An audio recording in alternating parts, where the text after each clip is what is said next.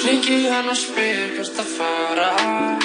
Nóttinn er svo vil, getur verið saman Þar er ekki að vera ég sjálfur fyrir framann hana Rúla mér eina og við byrjum að tala saman. Tala saman, alla virka daga, millir fjögur og sex.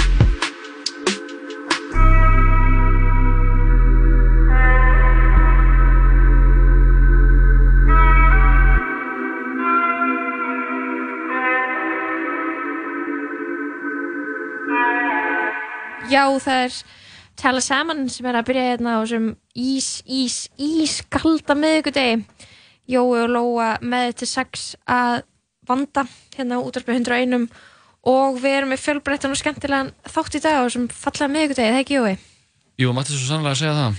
Byrjum á því að fá til okkar um, listakonur sem að ég er mjög spennt að spilla við þær heita Jóni og Eirún Mhm. Jóni Jóns og Eirún Sigrar og þær eru meðlumir gjörningaklúpsins þær eru með nýja síningu sem heitir Vatn og blóð og síningin er í listasafni Íslands mm Mhm. ætlum að spilla þær ætlum við fyrir um getum við vel Jú, þetta er alltaf að merkasti uh, listahópur, einn allra, einn allra merkasti listahópur Íslands. Íslands sögunar. að þær eru náttúrulega bara sko búin að vera hópur, eða þú veist teimi e, síðan á tíunda áratögnum og ætli þetta sé ekki orðin þetta er að minnst þú veist 20 ár.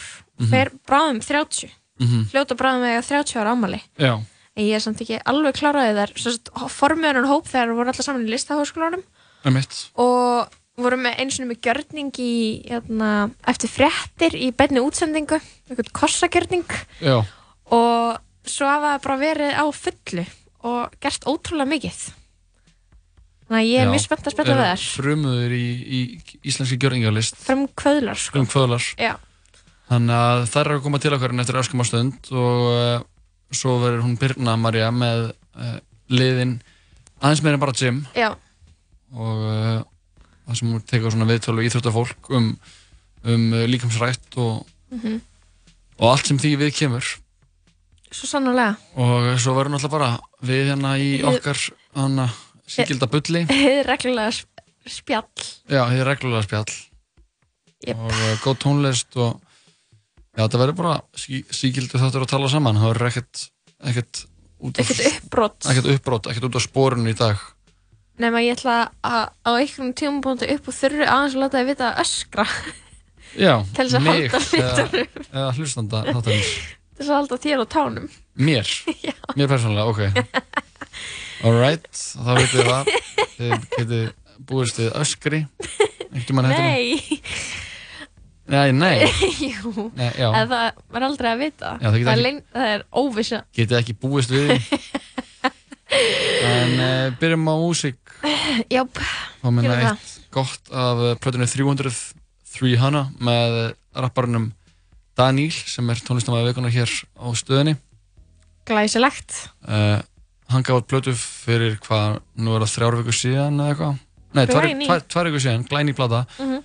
og uh, já, ég ætla að spila eitt lag sem ég get ekki svarað. Síðasta lagi sem ég gerði held ég á plötunni og, og jáfnframt svona síðasta lagi fyrir utan.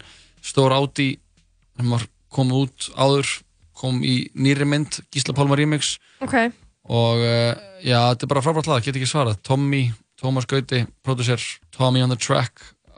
Leikur lausum hala á þessu lagi var að senda sérsagt þjátt á hann. Virkilega flott starf sem að vinna á þessu plötu. En við höldum áfram með þáttin eftir áskamma stund. Fyrst er það Daníl Ekki vera að ringja mig, ég get ekki svar síman, ekki segja setja mig. Ég hef engan fokkin tíma, ég er að færa eitili Bara til þess að fokkin vinna Bara til að fokkin vinna. Ekki vera að ringja mig, ég get ekki svar í síman, ekki segja setja mig. Ég hef engan fokkin tíma, ég er að færa eitili Bara til að fokkin vinna. Bara til að fokkin vinna. Ég er á tónum með mér, núna mér er ekki rosa kall Ég með setjum mitt á reynu, ekki eins og gammal kall Þú með setjum þitt á einu sem að gerir ekki rast Svitsi pop, enga pillur, ég er að gera allt margt Það er sækið þessa millur eins og Pablo Escobar. Ég hef enga fokkin tíma til að tala um eitthvað drast Það er má fokkin vinna til þess að sækja þetta allt. Ég mun ná að setja til að motherfucker selja strax. Ekki vera að ringja mig, ég get ekki svar síman ekki segja setja mig. Ég hef engan fokkin tíma, ég er að færa eitthili Bara til þess að fokkin vinna Bara til að fokkin vinna. Ekki vera að ringja mig, ég get ekki svar síman ekki segja setja mig. Ég hef engan fokkin tíma, ég er að færa eitthili Bara til að fokkin vinna. Bara til að fokkin vinna. Þótti motherfucking hata mér er alveg saman um allt. Ég er að motherfucking vinna þegar tapa það er fuck Gæla mín er fokkin ríkja, hún rákja mikið skart Gæla þín hún vildi alltaf okkur út um fokkin allt. Ég er búinn að safna peningum í alla fokkin dag. Svo ég gæti farið út og með miklu meira skart Þú veist að ég þetta rúmt, keri um að BMW Já ég keri um með búnt, ég get ekki svar strax. Ekki vera að ringja mig, ég get ekki svar síman ekki segja setja mig. Ég hef engan fokkin tíma, ég er að færa eitthili Bara til þess að fokkin vinna Bara til þess að fokkin vinna. Vera að ringja mig, ég get ekki svar síman ekki segja setja mig Ég hef engan fokkin tíma, ég er að færa eitthili Bara til þess að fokkin vinna. Bara til þess að fokkin vinna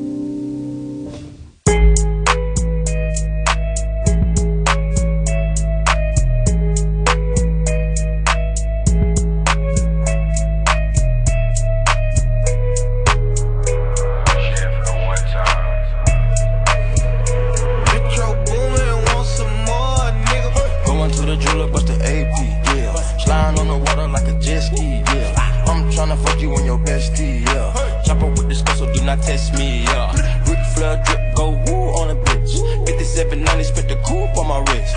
Multi million dollar, I'm a fool with the hits. Hop up in the lemon, drop the roof, show the tits. Poppin', but you really not gon' shoot. 90 pointers, time my diamond look like hula hoops. Hoppin' moppin', take her in the seats of my suits. Balenciaga, check my and Valentino boots. It's the woman out of way, a lot of them, a lot of race. Never hesitate to give a nigga yellow tape. And worry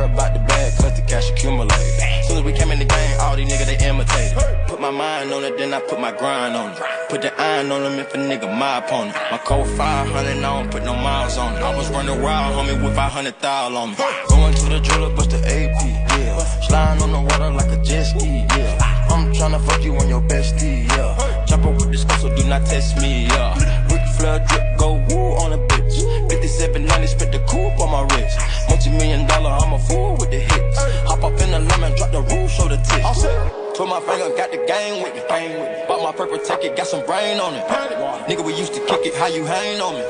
Hop in the Bentley coupe and blow the brains out of it. We not the same, my nigga, my nigga, we funding off the division. And with your brain, yeah, we bought you like it's an auction, ain't it? Get the chopper, 100 round total, like it's a car. I made this your mandatory, the means I had to get it. Want you to be begging, please, you ready to whack a nigga. I gave a nigga a dummy, I had to cap a nigga. I'm giving your whole weight like she a rapper, nigga. We get added, then we gon' pray with the scriptures. Going to the AP, yeah. Sliding on the water like a jet ski, yeah. I'm tryna fuck you and your bestie, yeah. chop Chopper with this skull, so do not test me, yeah. Ric Flair drip, go woo on a bitch. 5790, spit the coupe on my wrist. Multi million dollar, I'm a fool with the hits. Hop up in the lemon, drop the roof, show the tits. Going to the jeweler, bust the AP, yeah. Sliding on the water like a jet ski, yeah. I'm tryna fuck you and your bestie, yeah. chop Chopper with this skull, so do not test me, yeah. Ric Flair drip, go woo on a bitch coupe on my wrist. Multi million dollar, I'm a fool with the hits. Hop up in the lemon, drop the roof, show the tits.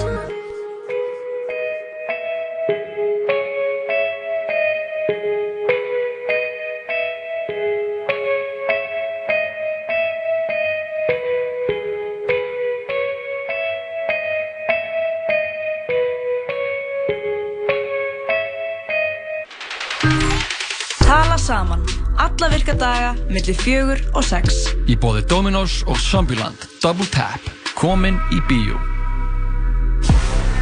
Leikmenn Dominós-deildarinnar eru tilbúnir fyrir átökin í vetur. Og við hjá Dominós stöndum vaktina. Vertu með. Dominós. Súkkulaði bitakaka, M&M kaka, brún kaka með hvítu súkkulaði eða hvít kaka með súkkulaði og macadamia-hnetum. Við skiljum þau sem eiga erfitt með að velja. Sjáumst á Subway. Hamburgerabúla Tómasar. Ef ekki núna, hvenær? Hamburgerabúla Tómasar. Nings, nings, nings. Kíktu við. Nings.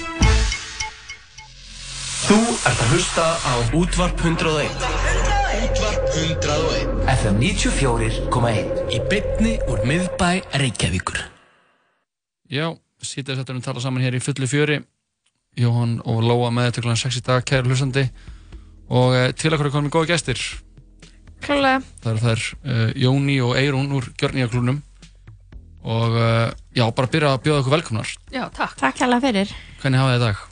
Við erum bara rosa hressar, við erum bara, hvað sem er í svona smá spennufalli Já, en, og erum bara að kvíla okkur aðeins og tala við ykkur Einmitt. áður en fyrir mér næsta verkefni. Já. Já, vorum að opna um helgina á listasafni Íslands enga síningu um eitt sem við erum búin að vera að vinna að í uh, tvö ár meir og minna. Já, vatn og blóð Mm uh, Getið þið sagt okkur aðeins frá þessari sýningu og svona hvernig hugmyndið kveiknaði og, og vinnan fór fram Já, það var í rauninni sapstjóri listasapsins sem að bað okkur um að uh, rauninni Já, það kallast á ennsku commission, það semst bað okkur um að gera verk fyrir sapnið Já, og pantaverk. já, pantaverk Mhm.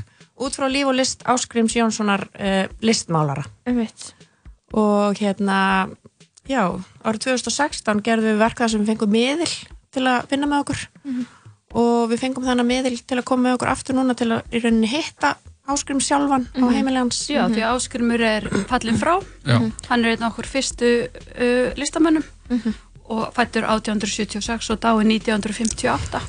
Er, þú veist, er þarna mikið vita um hann eða er þetta svona dæmi þar sem þú verður að fá miðil til þess að komast alveg að ykkur meira? Það var einmitt það sem okkur fannst svo spennandi. Hann er frekar svona dul típa, okay. átti ekki fjölskyldu til dæmis, ekki konu og börn og svona, Mm. við vorum til dæmis alveg forvittnar um það, hvort miðlinn geti eitthvað, hvort þau getum fengið eitthvað svona, þið veitir, inside information hana. Mhm, mhm. kannski eitthvað sem engin annar vissi þegar hann var lifandi. Og það kom alveg ímislegt í ljós. Já. Aðalega bara að hvað hann var mikill svona listamunkur. Ok. Hann var bara helgað sig listinni bara algjörlega. Mhm. Og allt hans líf snýrist bara um listina alveg frá því að hann var bara pínu lítill. Þó hann vissi valla hvað myndlist var. Veitir, Mhm. þegar hann fæðist bara eitthvað bara pínu lítill sveitastrákur. Bara hann er úr sveitinni og fer síðan til Reykjavíkur eða hvað? Já. Hvar lærið hann myndlist? Hann endaði með að læra myndlist í Kaupmannahöfn í Mm. sama skóla og Jóni lærði síðan í. Ok, Og Kjarval náttúrulega. Í danski, hérna, ekki danski filmskúlan. heldur- Danski kunstakademið Já. Já, kunstakabtíð Og, og við erum að horfa hérna á, erum búin að sjá svona kvi, kvikmynd, nei, listamynd, hvað heitir svona? vídeóverk. Vídeóverk, Já. já, ég glemdi orðinu í smástund. Já. Og hvernig, þú veist, hvernig gerðu þið þetta vídeóverk? Hvernig komist þið þangað svona? Já. Byrjuð, var miðið en snemma í ferlinu? eða- Já, þetta er aðferð sem við kallum miðill miðill Ok, og þá fáum við miðil til að vinna með okkur á, þegar við erum á kveikjusteginu og erum í Einmitt. undirbúningsferlinu Mm -hmm. og það hefur einst okkur svakalega vel og hún kom með fullt af flottum hlutum Já, og það sem að kannski kom mest fram sem okkur þótti vera svona ánægilegast er, er svona áherslan á listina sjálfa og það að vera listamaður. Mhm. og við fórum að spyrja okkur tvær veist, hvernig það er fyrir okkur að vera myndlistamenn Mhm. og líka bara að vera í samstarfi.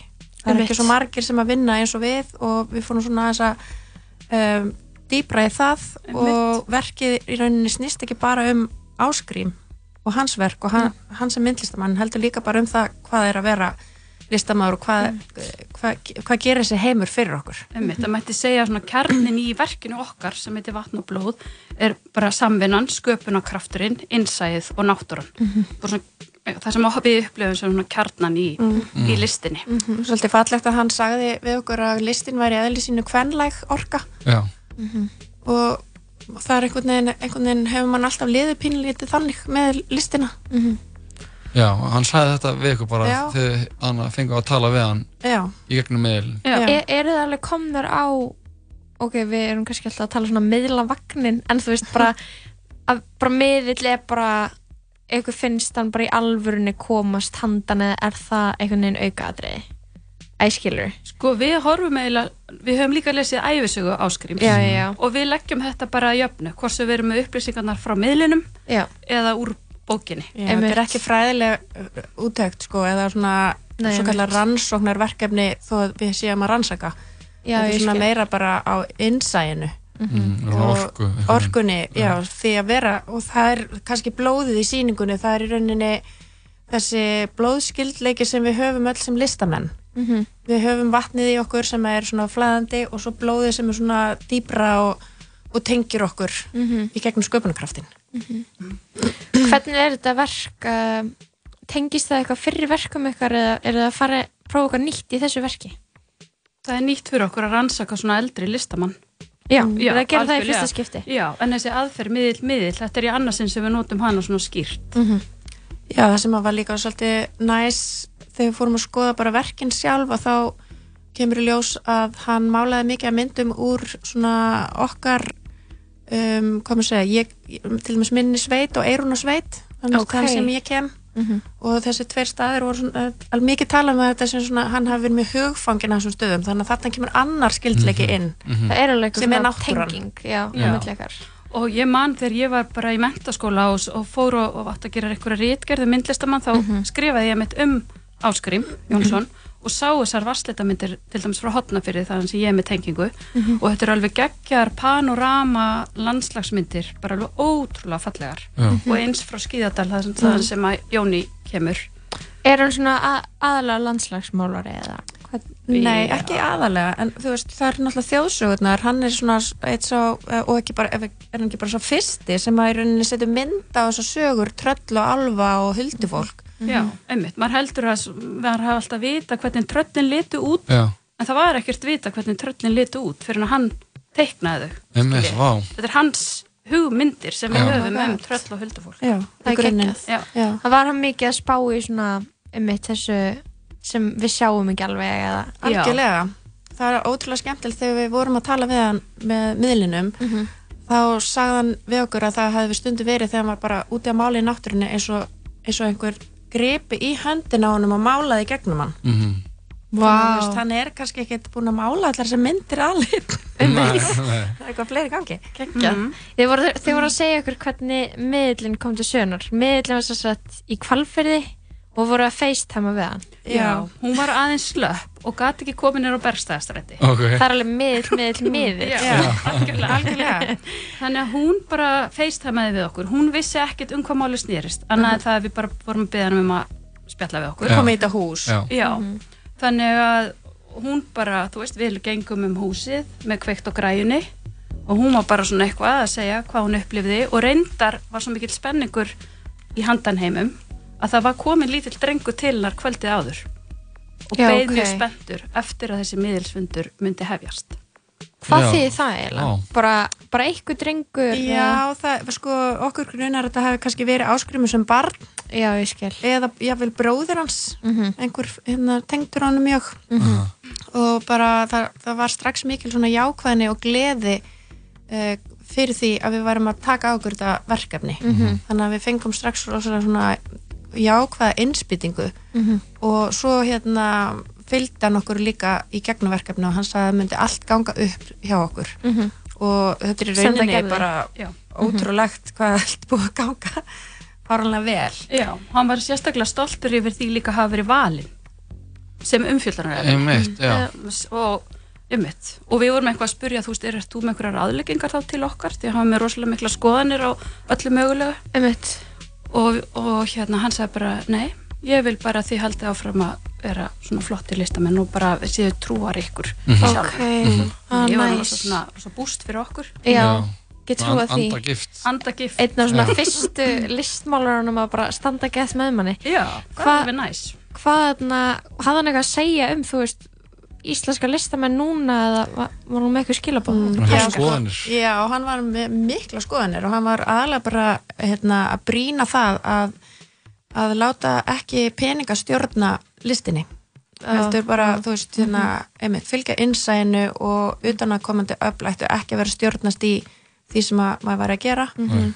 vera fylgin sér og hann, hún fannst þetta í rauninni líka vera bara, hann, hann talaði alveg um það og hann, hann skinjar það að peningaöflin eru alltaf sterk. Já, Emmitt Mjög allsráðandi og líka bara einhvern veginn í, þú veist bæði einhvern veginn að einhvern veginn svona enga engamarkaðurinn og svo líka, þú veist, listamannalaun. Einmitt. eitthvað listamannalauna umsóknir það er alltaf eitthvað svona peningur Já. eitthvað staðar sem að Það er stýrir. samt fagleg útlutun Já, algjörlega, það er fagleg útlutin en það er svona Já, en það sagði hann líka sko, Já. að, hérna, að uh, við ættum sannlega að fá greitt fyrir vinnu okkar Mhm. Einmitt, einmitt, ekki einmitt. láta peningaöflin ráða en að það væri alveg Mhm. sjálfsagt að maður fengi greitt fyrir sitt framlag Já. Mhm. vinnuframlag Algjörlega Þannig við ákveðum að þrusa bara í eina svoleiðis ræðu á opnunni Já. Ok mm. Já, við heldum bara mjög pólitíska ræðu á opnunni Var hann pólitískur eða? Hann? Já. Örglega, já. Þetta var allavega pólitísk finnst okkur sem hann var að tala með okkur Já, já, já. Geggjað. Og hvað voruð það að tala um í ræðinni? Við þökkum bara rosalega vel fyrir okkur Já. því að það er rosalega bæði fyrir þetta tröstið Mhm. og svo bara allir sem hafa stutt við okkur Ein- einmitt, við fengum starfslaun að því við vorum að vinna þessari sýningu og svona Mhm. og tældum upp ímislegt myndlistarsjóð og myndstef og þú veist, Mhm. allt þetta sem að og Reykjavík og Borg, við höfum aldrei geta gert þetta verkefni á listasafni Íslands nema að fá auka pening sem eru þetta daburlegt í sjálfu sér Já, það er það. það sé ge- geggjað að því að þið spáðu til dæmis í bara aðra listgrinir eins og ef þú færð tilbúið að gera leikstýra jólasýningu þjóðlikúsins Mhm. þá þarf þú sem leikstjóri ekki að vera að hlaupa út um allan bæ og sníkja veist, pening fyrir launónu þínum og þið vitið. Já, og ég meina leikarinn þarf ekki að koma þú veist, þeir segir ekki til leikarinn. Þú kemur bara í þínum einu búningi og ert með tré líka. Þetta er líka við þannig Já, sko. þannig að þessi vantar svolítið, svolítið mikið upp á í myndlistinni. Já. og sérstaklega þegar það er eðlilegt að bera saman listasafn Íslands og þjóðlikúsi þetta er bæði stopnarnir sem er reknaður ríkinu. Emmett, Mhm. emmett Mhm. Mér finnst alltaf áhugast þetta með hann uh, með andagýftuna og svona, en hvenær var það sem þið, af því að þetta er, þetta er ábyggilega svona dót sem margir eru skeptískir með svona einhver andarsmál og miðlar og, Mhm. og hann og mér finnst þetta mjög áhugavert hvenar farið þið af stað í þetta ferðarlag sem einhvern veginn gerir ykkur kleift að, að gera listaverk sem það sem þið er eiga í samtal við liðin listamann núna árið 2019 Mm Góð spurning. Það var nú örgulega bara þegar við, hérna, það var eiginlega svona bara pínu hálfkæringi sem að við ákveðum að fá miðilanna upp í sveit 2016 og Já. stórum fyrir sem sagt, hugmyndavinnu á stórum þáttökugjörningi sem við vorum að gera þá Mhm. að bara svona eitthvað grín, já við vinnum í alla miðla, fáum bara miðil og við vorum að fara að vinna inn í gamalt hús Mm. sveitabæ sem er gömul landnámsjörð, kirkjujörð, herne- hersetinjörð þannig að ef maður trúir á eitthvað að Já. anda þá var greinilega eitthvað grassirandi þar. Já, mjög, mjög hlæðsla þannig að við vorum bara hérna, til í að tjekka á þessu. Og svo kemur hún, miðlinn okkar og segir bara, nei þið, það þarf að reynsa út úr þessum húsum. Hér má enginn vinna My inn í God. þessu húsi. Ég fær svona gæsa hús og það verða bara rifrildi og jafnvel slis á fólki því að hér er andi sem vill engan inn og við vorum bara shit, ok. Og hún var bara, hann er að reyna að henda mér hérna niður stegan. Núna varum við leiðir að tala við ykkur. Og hún segir, Oh hann glottir bara. Og hann segir, ég verð að fá einhvern sterkan uh, hérna, svona kalkins mið, uh, miðil til þess að reynsa út. Já, bara særingamann. Já. Já. Og hvernig fór það? þá við, það, sko þetta var náttúrulega svolítið magnað. Á leiðin í bæin þá eruðum við báðar veikar. Eftir hana, eftir hana hitting oh my god. Og hún sagði að það væri bara mjög eðlilegt ef maður væri næmur og hérna fyndi fyrir orkunni. Mhm. þannig að við fórum strax í máli að fá betri, eða sem sagt einhvern svona uh, særingamann með meiri orku heldur en hana. Mhm. og hann kom hann upp yfir og, og hérna snaraði þeim út. En svo hittu við hann stuttu setna og þá var hann að, var okkur við. Hann hefði í rauninni ekki náð, náð þessum aðal, aðila út. Oh my og God. Við þurftum eiginlega að kalla til þriðja Við vorum sko búin að vera síðan allt sumar þegar að reyna að ná í þennan gaur aftur og byggja hann um að koma og hann leti ekkert ná í sig þessi særingamæður Númer tvö Númer tvö. Númer tvö. Já, Viss hann þá af verkefninu og var ekki Nei, það var sko tilbúin þessi í það? særikamæður sem hafði fyrst sært út fyrir okkur Já. kallinn, Já. hann leti ekkert ná í sig við ringdum og ringdum og það var bara komið þú veist, við vorum að fara að hitta alla leikhópin í sveitinni, Já. skilji og við vorum komin á það stig bara ok, ég bara að gefa skíti í þetta því að við skinnjum ekki þetta þú veist, Þessa við treyst- orku. Nei, Orku, nei. þannig við vorum bara eigum bara að gefa skíti í þetta og bara byrja að æfa og svona, en við gátum það ekki, við vorum búin að setja þú veist, fara inn í þetta Já, skilyrði. Já. Já, og það endaði með því að svo fyrsta hún kom og hún náði að se- að að setja hann út á bara flötina fyrir utan húsið Já. Mhm. og setja tvo varðmenn í dyrnar annar sem að hefði verið sko uh, leyniskitta í bandarska hernum og hinn uh, hafði verið svona hérna, hvað heitir það, svona stríðsmaður Gengis Khan Já, þeir stóðu í dyrunum og Mhm. vernduðu hérna, húsi frá því hann kemi inn og svo náðum við loksins í hérna, fengum við viðtal við þriðja miðlinn og hann kom og hérna, tók hann með sér í burtu Vá. og þá gott við fara að vinna og eftir þetta, því þið voru að spyrja svona hvað. Já, já. handan heimar, þá Já. voru við eiginlega bara pínu svona já, það er, af því að þau fundu öll fyrir því sama Mhm. og sögðu eiginlega öll að sama og það var ekki séns að þau voru eitthvað búin að ráta sér saman eitthvað spjallum þetta. Nei, bara til þess að fokast í ykkur Já, bara, það var bara, eftir það voru bara, jú, þetta er það er eitthvað í þessu og svo þegar Mhm. við hittum að- hérna, áskrím og það var einhvern veginn allt önnur orka þá voru við bara, já, það er ennþá meira til í þessu fyrst það er ekki eitthvað svona sama í gangi Já, maður, við vorum pingur hrettar að fá aftur sama miðilinn ef hún færi aftur að finna einhver leiðindi í húsinu. Einmitt. En það var alls ekki þannig. Hún fann bara jákvæða orku, allir súper til í þetta. Já. Þetta er, Geðveikt. þetta er svo gæðvik umræða að taka um þú veist, bara svona orku og bara ég, ég veit ekki hvort það var, ég held að það hefði verið skets eða eitthvað hjá fósparum að það væri svona fasteignarsali sem alltaf með meðil með sér. Að þetta er alveg eitthvað dæmi sem þarf að ræða en þú veist, að Mm, maður finnur, maður lappa bara inn í rýmum maður finnur Þau eru bara mismunandi, sko, það er betur, og þú sko. getur ekki útskýrt eitthvað og það er ekkert eitthvað svona eitthvað hvernig það lítur út eða eitthvað og fer bara inn og þú allt í hennu skinnjar eitthvað allir, það veit allir hvað það er að fá tilfinningu fyrir eitthvað og maður verður bara viðkynna það svo margt sem maður skilur ekki og veit ekki og skynjar ekki. Mhm. Þú veist, hundar finna miklu breyðara, er með miklu breyðara lyktaskinn heldur en við Já. og við getum ekki sagt að þá sé lyktin ekki til sem þeir finna því við finnum hann ekki Einmitt. og eins með, með sjónin okkar við vitum að hún er takmörkuð Já. Mhm. og, fólks, og dýr og alls konar mismöndi sjón sem fólk hefur þannig að af hverju eigum við eitthvað að gefa skít í þetta? Einmitt, og það sem við sjáum líka það sem við erum að heilin á nútíma manneskinu er þjálfaði til að sjá.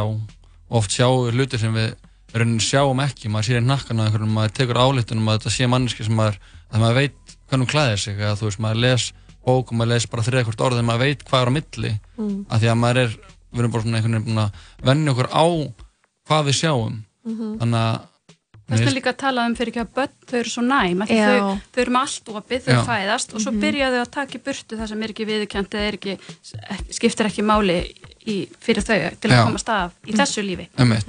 En líka eins og með þessa þrjá miðla þessi þrjá, þrýr miðlar þeir skinju allt þetta en þeir skinju líka mjög misjafnar vittir eins og svo fyrsta skinja mjög mikið huldu fólki á staðnum, Já. álfana menn hinn gerðu það ekki og svo er þetta svona hvað getur maður sagt, svona leirar af, af Mhm. vittum Mhm. sem að ekki allir geta stilt sig inn á Einmitt. Mjög áhugavert. Er það að hlusta þetta laga? Jú, gerum það og höldum síðan áfram að spjalla. Eitthvað spooky Við Já, gerðum ég gegn var kom með drauga lagina upp uh, Æðislegt. með henni Bríeti, svöngunni Bríeti, lagi heiti Ghost við höldum áfram að spjalla við Gjörnýjaklubni eftir raskamastinn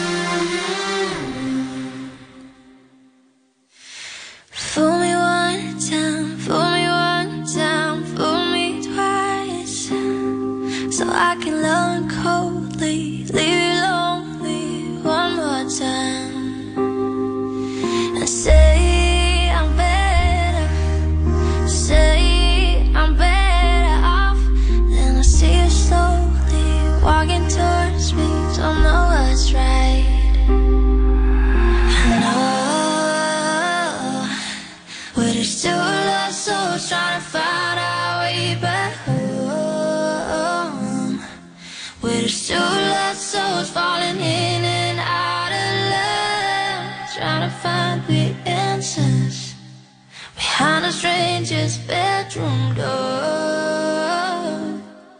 We're just two lost souls trying hard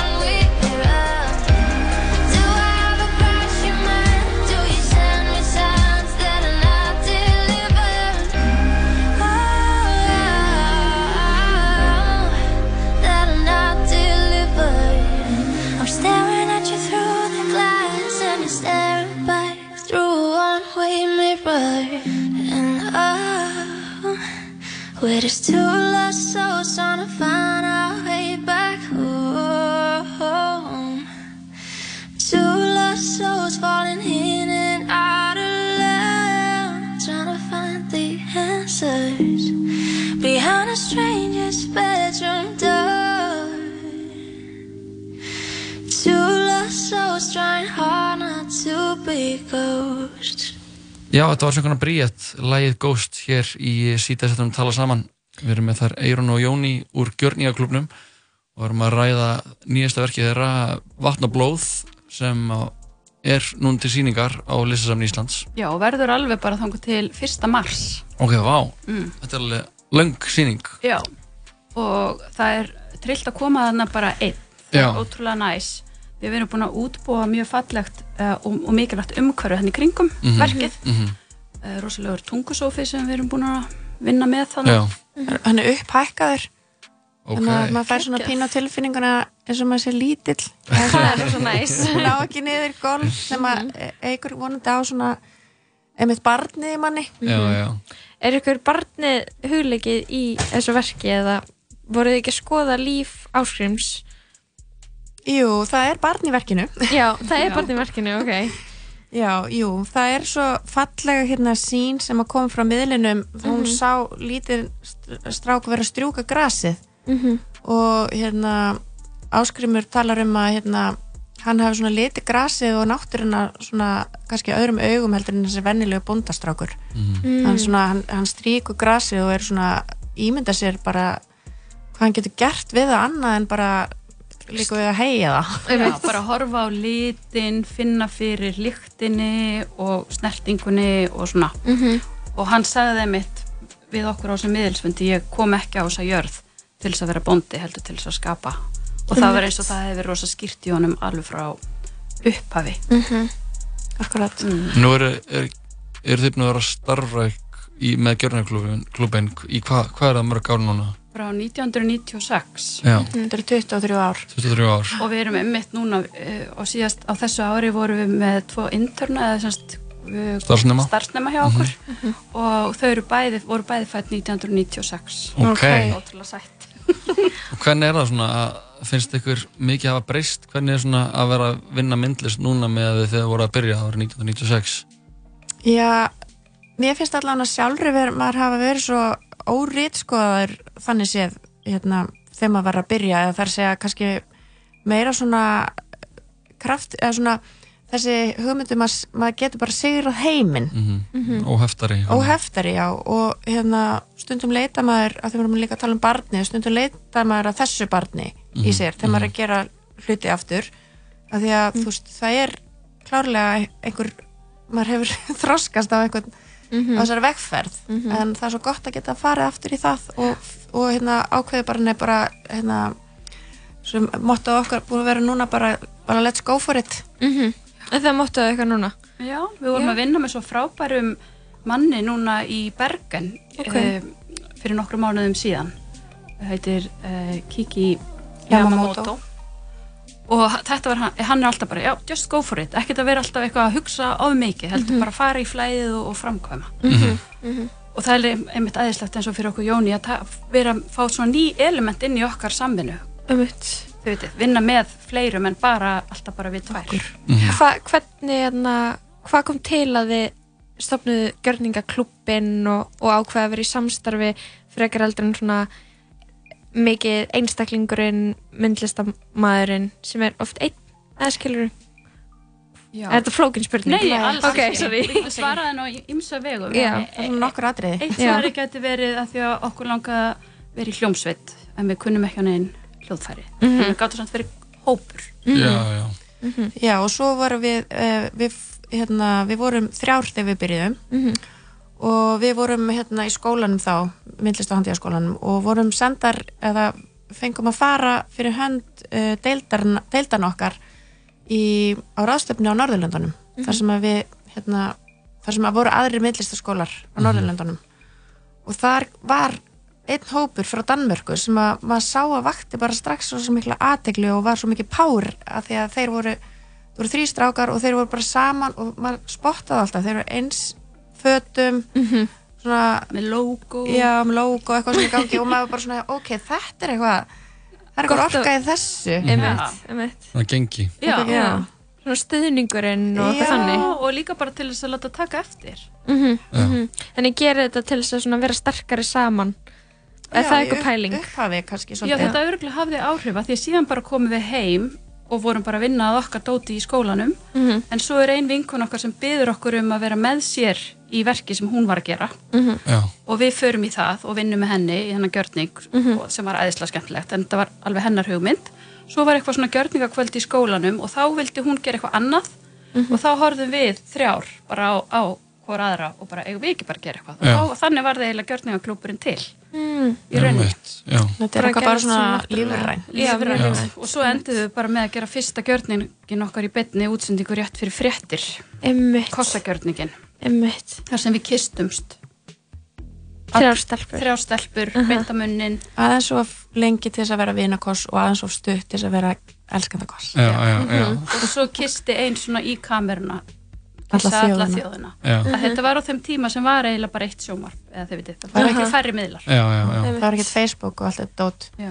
þannig að spöggstofan gerði náttúrulega grína þessu bara á næsta föstudegi og allir vissum hvað maður snýrst Já, ok, vá, þeir eru þess, hefðis annað að það spöggstofan hafi gett grínað ykkur. og það var annars alltaf grútlegt En uh, sýningin eins og ég sagði eftir sínis í Lissabon Íslands til vanlega mars, Já, fyrsta mars. 1. mars. og já, og núna á sunnudaginn ætlum við að vera með svona leiðsögn Ok. um sýninguna nice. á sunnudaginn klukkan Minn er sér klukkan tvö klukkan tvö opaslega næs eftir að að vera búin að vera á alls konar tónleikum og svona á Airwaves til Já, dæmis já, koma já. að skelli sér í tungusófan leiða sér á tunguna Verða lítill aftur.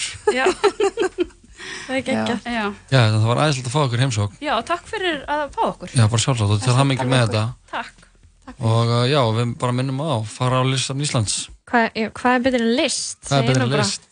Ekki Það er neitt. Betur en að vera lítill að fá að skrifa list.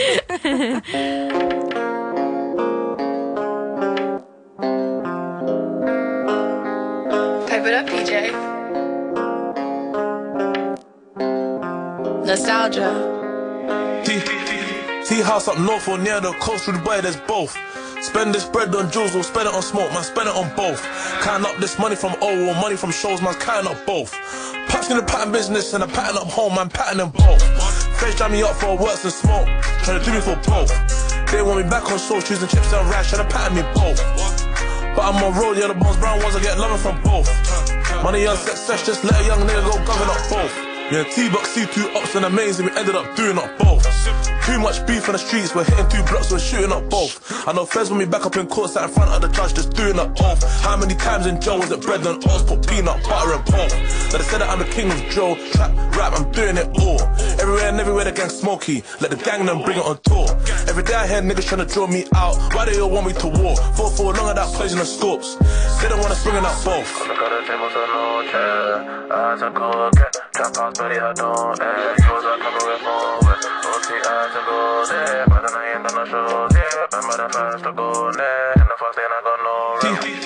Tea house up north or near the coast through Dubai, there's both.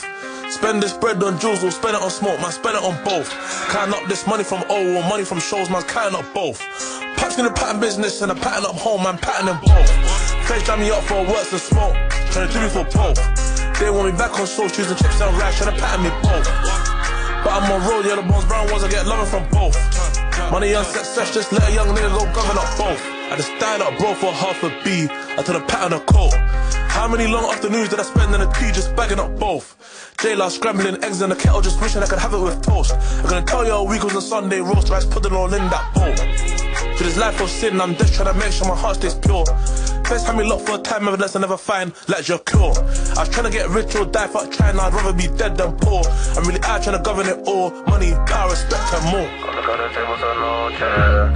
took a get trap house, but I don't eh. Yours are coming with more OT, I took go there, but then I ain't done no shows yet. Remember the first to go there, in the first day I got no rap. Tea house up north or near the coast through Dubai, there's both. Spend this bread on jewels or spend it on smoke, man, spend it on both. Counting up this money from O or money from shows, man, counting up both. Patch in the pattern business and a pattern up home, man, pattern them both. Feds jam me up for works and smoke, trying to do me for both. They want me back on soul shoes and chips and rash, trying to pattern me both. But I'm on yeah, the bones brown ones, I get loving from both. Money on success, just let a young nigga go govern up. Both.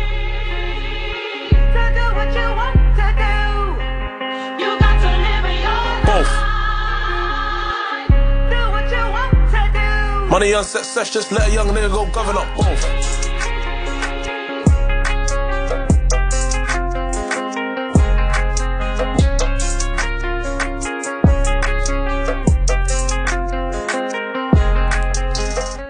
Já, þetta var Hetty One, Light Both. Já, við vorum að kveðja hérna Eirunu Sigurðar og Jóni Jóns úr gjörningaklubnum. Freka mikið legends, verð að segja. Freka mikið legends. Það eru með síningu Vatn og blóð í Lissamn Íslands sem spjall- stendur til Já. 1. mars. Akkurát, en já, ég ætlaði bara að segja, sorry, ég greið fram í. Uh, þetta spjall let mér langa til að fara til miðils. Ég ætla að fara til miður. Ég, Þú ert alveg seldur á þetta. Já, ég er búinn að vera á leiðinni mjög lengi og þetta er bara svona Aha. staðfesting á því að Mhm. ég er að fara til miðils. Nákvæmlega. Líka bara að lífið er svo stutt, af hverju ekki bara að tjekka öllu sem er í bóði, Já, bara líka Svara spurningunum, sko. Orka er bara eitthvað mjög áþreifanvelugur hlutur og, og einhvern veginn að láta eins og svo sé ekki er bara, Mhm. uh, þú veist, það er svona ignorant. Já, er, er, að þú veist flugur sjá anna ljós á, sjá eins og svona lendingapalla á blómum Já, já, og sjá ljós á þeim ef það er, ef það er sko einhver nektar eða svona einhver, einhver vökvi, einhver safi í blómunum sem þau þú veist, Mhm. sem þau þrá, þú veist, Mhm. það bara sjá þetta þú veist, og bara hundar sjá öðru í sig og, og hana, bara, það er allir með svona mismunandi vision á heiminn og bara sín og einhvern veginn Mhm. láta eins og það við, sem við sjáum hérna með þessum tveimur augum sem við erum með Það við sjáum eitthvað mjög mikið. já, þannig að þú veist það er svo mikið sem við sjáum ekki sko. Algjörlega. Þú verður að segja mér hvernig gengur eftir að fara til miðils. já, það sé gera Herru, þannig að mér langar að spila annar lag Yes. af uh, plötunni Þíndar ásinn með uh, Grísalafa Lísu Geggjað. var að hlusta á þessa plötu í morgun. Og hún er algjör snild. Geggjað. og uh, það er svo mörg það er svo mörg sko, lög sem langar að spila. Uh, ég ætla að spila bara annar lag af plötunni, það er í fílu er að tengja það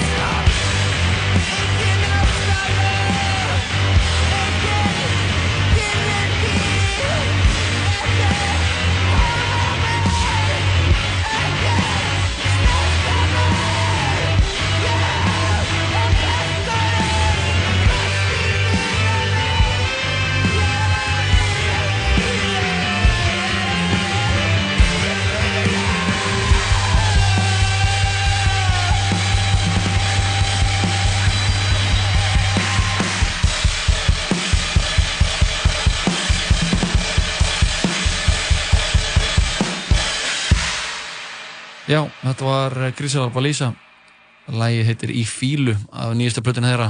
Týnda Já. rásin Við erum svona fílusamfélag Já, við erum fílusamfélag og þessi, sko, ég verða ég verða að mæla með að fólk hlusta þessa plötu sko. ég var að hlusta á hana og hún er svo ógeðslega fyndin Mikill húmor í henni ógeðslega vill húmor og mm bara eitt lag sem heitir Tauga áfall í bónus Mhm. sem bara ég var að tala um að fá Tauga áfall í bónus Ég tengi við það Já, Ég hef ekki tauga allir í bónus það. er allir íslendingar hafa verið í bónus og verið að fríka út uh, Bónus er svona skinjunar það er svona staður þar sem þú skinjar einhvern veginn allt og mikið einu Já. það er bara háfaði, litir, skærljós Mhm. og svona Já.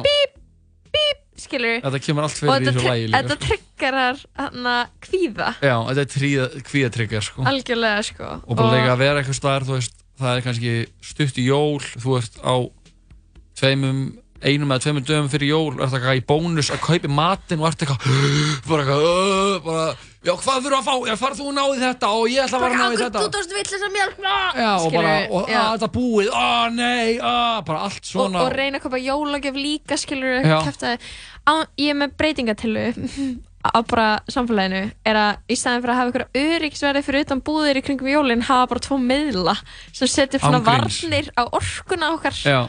þannig að þú veist, þegar þú ert eitthvað svona að kaupa í mati fyrir jólinn þá bara svona er góð orka búið að þú veist, særa út einhverja púka skilur Mhm. kannski ekki púka en svona bara einhverja, spennu. Já, anda og spennu og eitthvað. Þannig að þú veist, þú ert ekki lengur að lappa inn í sko, bara eitthvað svona áföll þú veist. Heldur það myndi fara meðl inn í bónus laugavegi. Heldur það var eitthvað, hér má enginn vera. Já, já. Hann myndi að lappa inn í hann grammetiskælin Já, sem var einu svona ingangur já, það er eitthvað það er einhver orka þar sko Já, það er ég- spúki orka þannig einst inn í bónus er sko, anna, það er ein saga sem hann Bjartur vinnu minn og hann dagskrafgerðamaður hér á stöðinni Jep. uh, sagði mér frá því að þegar hann var í bónus einu sinni og það Mhm. er gæi sem er alltaf hérna sko, ég er ekki frá hann búi hérna í byggingunni sem við erum inn í núna Já. Shit. að hverskutu 105 Mhm. uh, og sérst ok, gefa upp adressuna hans Eh, alveg. yfirlega, nei ég veit ekki hvað hann búið en hann er regla, regla henni í kring. Hann er á vappi. á vappi. Og hann er alltaf með svona lítil ringla sólgleru Mhm. með svona mottu og svona kollhúfu og er Mhm. alltaf hjóli. Og hann lúkar eins og bara eitthvað karakter í bíómynd. einhverju svona David Lynch mynd. Ok, ok. Og hann, uh, hann er eitthvað svona hvað er hann með mottu, segir hann er með mottu á efrivörunni hann er sérst með skegg.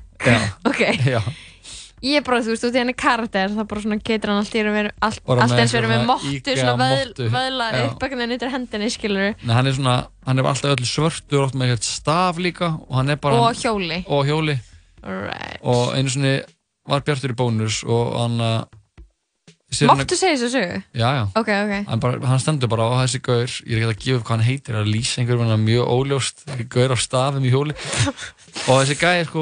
stendur á krukkunum Mhm. hann er fyrir utan græmdiskjælin Mhm.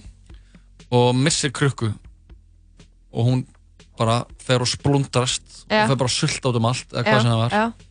hann bara horfir á Bjart og gengur sinni í burtu eins og ekkert skorist Þannig að það Ég er eitthvað- tengi við þetta. Það er alveg eitthvað svona einhverju svona anna, Það er eitthvað svona spenna í bónus og löfi Já, Já, ég hef, þú veist ég hef oft lendið í að lappa inn í eitthvað rými og vera eitthvað, huh, fá svona lettan hroll já, já, og svo þarna, þegar ég vann á bensinstöð þá var ég alltaf að ná augnsambandi við eitthvað sem bara svona let mig fá hroll augnsambandi let mig fá hroll sko. Já.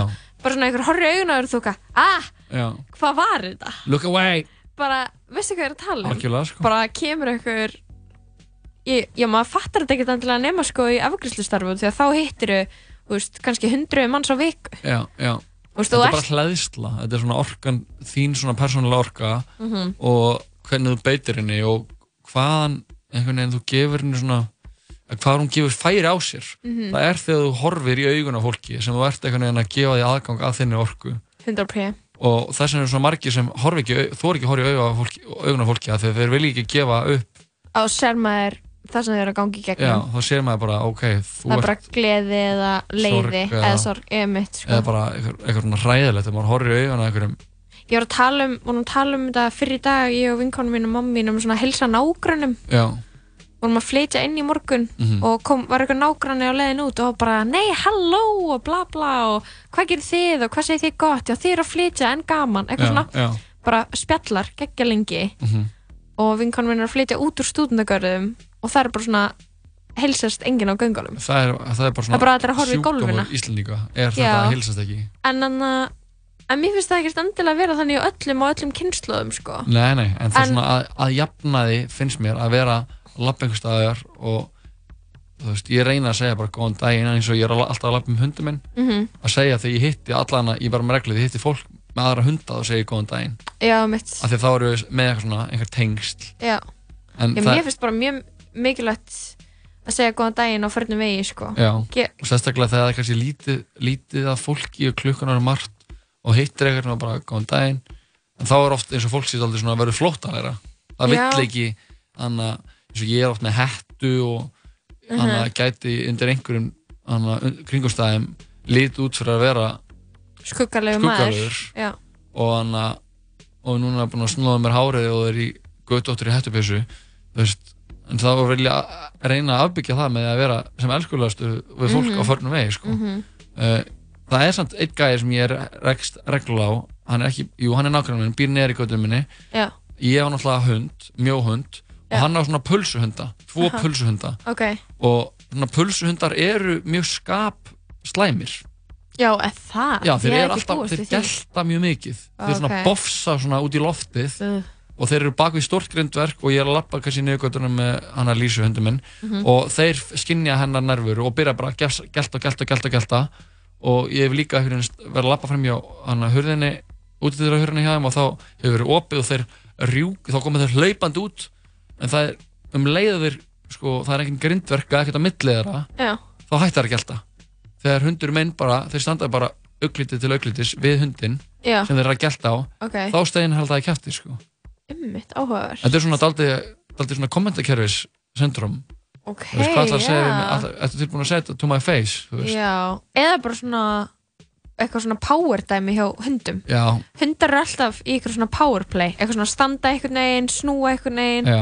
geta passa skilur já, maður fyrir hundaskólan þá fær maður bara bara kennslustund í líkamsbeitingu og tjáningu og hvað, hvað sem þýðir. Einmitt. bara eirun, skottið neppin neppin, ef Já. neppin, neppin á að vera blöytur já, nákvæmlega sko talandi um bónus, ég dyrka ég var í, hana, fór upp í í, í bíltúraðan með vinnum mínum og komið í kringlunni Já. og, og fór í kringlunni í smásund og hugsaði bara, þetta er svona dagur þar sem ég geti verið bara svona rölda áhugjulegs Mhm. um kringluna Mhm. í heilan dag já, og ekki gera neitt af því að ég held að viðbræði mitt við því hvað það er oft mikið svona álæg í búðum er að geta hangsaðar, hangsaðar mjög lengi. Að ég fer í netto út að granda og þar er ég bara eitthvað svona vafra ég um Aha. algjörlega áhyggjulaus Aha. ég er svona einhvers konar núvitundar prógrami bara. Það er mjög fínt í búðum sko. Já, En mjög það er þegar það er, þegar það er ekki of mikið að gera of mikið svona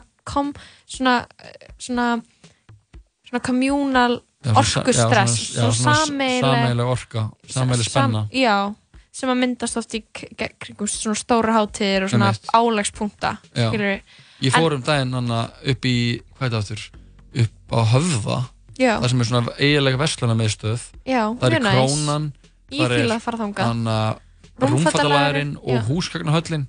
Og ég fór bara í að byrja að fara upp í húsgagnahöllina og hann að lappa þar um, setjast í marga stóla, Já, voru næst stólar eða? mjög mikið að næði stólum, sófum, Mhm. horfðum um gluggan, síðan fór í krónuna, kipti með bláber, fór nýr í rúmfatalagurinn, læðist á rúm þar Mhm. Ok, og var að nice. borða bláberinn. Þetta, þetta er bara svona eins og að fara í frí. ég veit það Góða pælingar Herru, ef að hlusta á þetta lag, tói áfætt í bónus. Hlustum á það og uh, svo þegar við komum aftur þá ætlum við að spila hérna aðeins meira bara Jim Aðeins meira bara Jim. hennar Bibbi Já, heldur betur.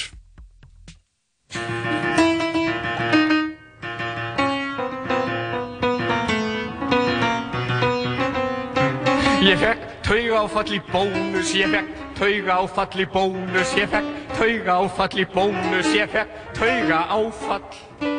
Aftast í röðinni, ört röðinni, hvort kom bölið á undan kvölinni, hvað var ég að pæla mæti miðri hádegistörninni, miðri hádegistörninni, miðri hádegistörninni, miðri hádegistörninni, kom tauga áfallið, ég fekk tauga áfall í bónus, ég fekk tauga áfall í bónus, ég fekk tauga áfall í bónus, ég fekk tauga áfall. Skalf eins og hrísla, hvað var ég að sýsla? Úti fyrir hádegi í þessu bága ástandi. Af hverju hélt ég mig ekki inni fyrir ég mátti vita betur? Bara ég hefði pantað mér pizzu þá ég hefði sluppið við á fallið. En það er gott að vera vitur eftir á, gallin er sá. Það hjálpa þér ekki þá og þegar meðan ég lá á barmi fallsins. En í auga stormsins hélt ég að stundin væri liðin Þá skyndilega tók hjarta kipp Ég kós vittnað sá yfir mann minn Íhuga strjúk á vett vangi En það var um seinan við höfðum náð auðkontakti Næsti, gjöru svo vel Næsti, gjöru svo vel Næsti, gjöru svo vel. Ég fekk tauga áfall í bónus, ég fekk tauga áfall í bónus, ég fekk tauga áfall í bónus, ég fekk tauga áfall. Út á bila stæðinu, guðsjólós fegin undir berum himni, ég lefði mér að brosa, doka við og hlusta á hafið, því ég held ég var um loksins hólpin, en í sömu andrá rak ég augun á bílskrattan, hann var undir stærðar skafli. Hvers þarf ég að gjalda? Þarf ég að borga skuldina tilbaka margfalt? Ofan á lagt var ég í skirtunu einni fata að krókna úr kulda með þrjá þunga póka bleiuna undir arminum og batteríslausan síma Það er ekki eins og ég gæti bara rampað inn Beðið staffið um hjálp eða fólkið um kring Því ég hafði nú rétt lokið við ámæla greiðin Fyrir hlutskipti mín. Í þessu lífi Upp þess hafði ég heitið því að stíga aldrei, aldrei framar Inn í bónus út á granda. Því ég fekk tauga áfall, ég fekk tauga áfall í bónus Ég fekk tauga áfall í bónus Ég fekk tauga áfall í bónus Ég fekk tauga áfall En ég arkaði heim í strygaskónum í gegnum krapið, í gegnum glóðandi steina og íshafið. Þá loks bara dyrum var ég grætt og grá, hreyðarmynd að sjá, speilmyndin dæsti, tjáði sig aldrei, sagði sveiatan sjá útgangin á þér. Þá rann það uppi fyrir mér því kassastarfsmaðurinn hafi verið svona dónalegur. Jú vanalega mætti ég með konun og barnið allt heleg klappið. Við hlæjum tökum spjalli en nú lá leiðin beint heim á dallin Ó Franceska bara ég ratað á kassan þinn. Ég þykist vita ég hef mér hefði mætt blíkt við mót og hef verið næs og góð og allavega ekki dæmt mig fyrir síðustu nótt. Fyrir síðustu nótt fyrir síðustu nótt. Er enginn sangjart réttur ekki skilorð í bóði né reynslu laust þó þú hagir þér vel. Nei eftir síðustu nótt eftir síðustu nótt eftir síðustu nótt. Er ekkert lausna gjald best er að drekka vatn og reyna að sofa. Ég það minnst tvo daga til að jafna við eftir herrleg heitin. Já, þetta var lagið Tauga áfall í bónus með hljómsveitinni Grísar Balísa. Mhm, og þetta er alveg svona alveg smá taugatrekkend að hlusta á þetta sko.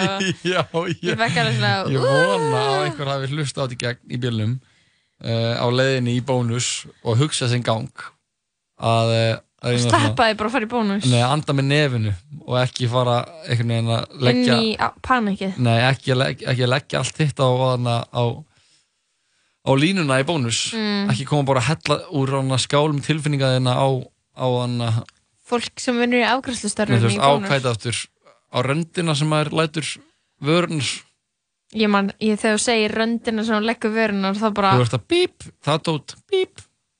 Já, á kassan já. Hvað, hvað, ég Ég- veit ekki ég Nei, veit ekki ég- hvað þetta orð ég- er þegar þú ert búin að, þegar þú, veistu hvað ég á við, skilur við skulum ekki fest okkur í þessu fá með lagina og síðan eftir lagið þá uh, er það aðeins meira en bara Jim henni Bibbu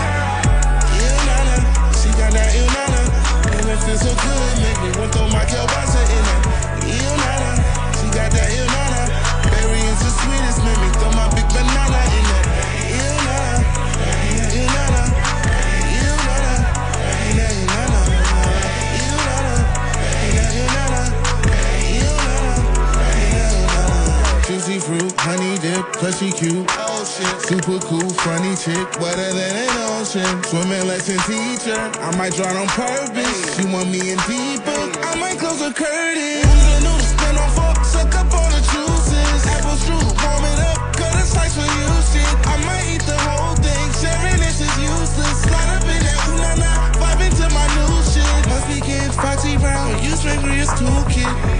Oh, you just got that swimming pool kit, and I'm not one to kid around on some middle school shit. Just know that mushy pussy on some ooh shit. Kitty, kitty,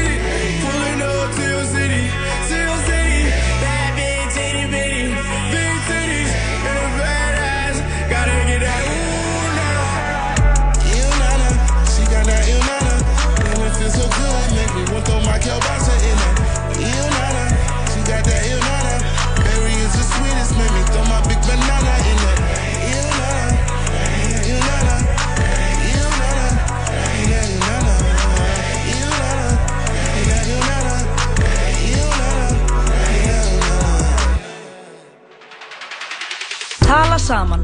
Alla virka daga, millir fjögur og sex. í bóði Dominos og Zombieland Double Tap, komin í bíó Ótakmörkuð símtöl og SMS 60 GB á aðeins 2990 krónur Sambandi Símafélag framtíðarinnar Mmm, þetta er góð matur.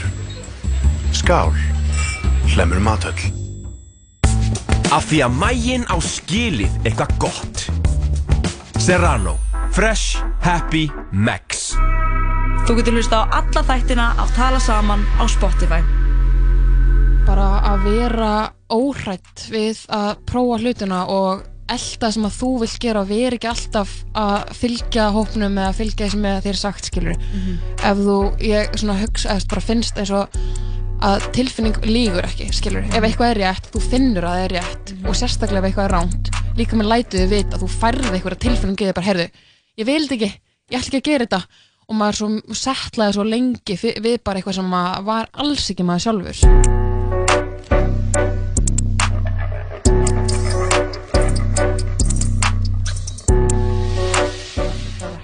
Love it.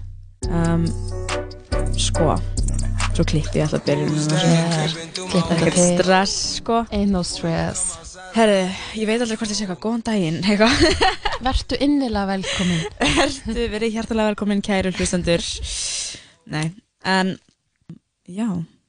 Góðan daginn og verið hjartalega velkomin í þáttinn aðeins meirum bara gym.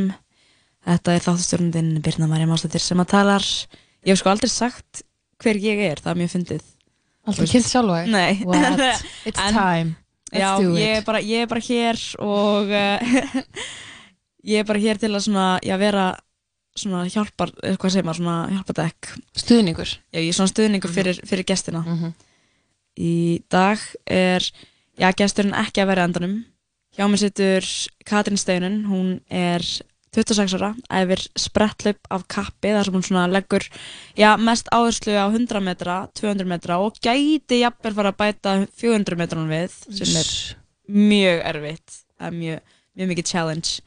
En uh, samlega þessu þá var hún að vinna sem brand manager hjá NGC og lærði viðskiptafræði HÍ svo hún líka bara algjör peppari og mikið skvís og bara ég dyrka að fylgjast með henni og við ætlum svona aðeins að tala um bara spretthlaup fara kannski aðeins yfir það hvernig hún byrjaði á spretthlaup og af hverju og bara verður hjartanlega velkomin. Ó, falleg innkoma hérna þér. Það ekki bara. Mjög þakklátt fyrir þetta. Að verður svona, svona að lega fólkinu aðeins að vita hver þetta er sem að setja fyrir fram mig Já, þess að bústa mann upp og peppa mann upp sko. Já, hvað segir gott í dag? Herði, ég er ótrúlega fersk og ekki. glöð að vera á mæktingatíðin. Já, ég hérna, er búin að vera spennt að fá því og við erum búin að vera svolítið svona þú veist, að reyna að ákvæða hvað við getum talað um af því að við gætum talað um ímislegt Alls konar, það er nóg til sko Það er nóg til og sko, þetta er náttúrulega bara hálftíma þáttur hérna og við svona ákvæðum að fara kannski aðeins yfir það um, í dag, bara svona sprettlaup og kannski hvernig þú kemur svolítið inn í þessa íþrótt Einmitt. um, Þannig kannski bara segja mér aðeins frá því, bara af hverju byrjar að æfa sprettlaup Sko, það byrjar þannig að ég er bara eitthvað heima að horfa á frálsýrðum undir sjónvarpinu Mhm. og sé bara hvað stelpunar eru ógeðslega flottar og bara massar og bara skína með eitthvað sjálfströst. Mhm. hlaupum náttúrulega ógeðslega hratt og mér finnst það bara ógeðslega sexy eitthvað. Og hérna hugsa bara, heyrðu, ég hef alltaf bara verið þokkalega í að hlaupa, okkur er prófa ég þetta ekki bara? Mhm. ég vantaði innilega eitthvað svona nýtt svona challenge og maður búin að vera í ræktinu bara lengi. Og einmitt, þurfti bara eitthvað aðeins að örfa mig. Þannig að ég sendi bara e-mail á IR og held ég sé bara komin á æfingu daginn eftir eða bara stuttur setna Einmitt, og bara ein eitthvað. Já, bara eitthvað, hei, má ég koma og prófa Mhm.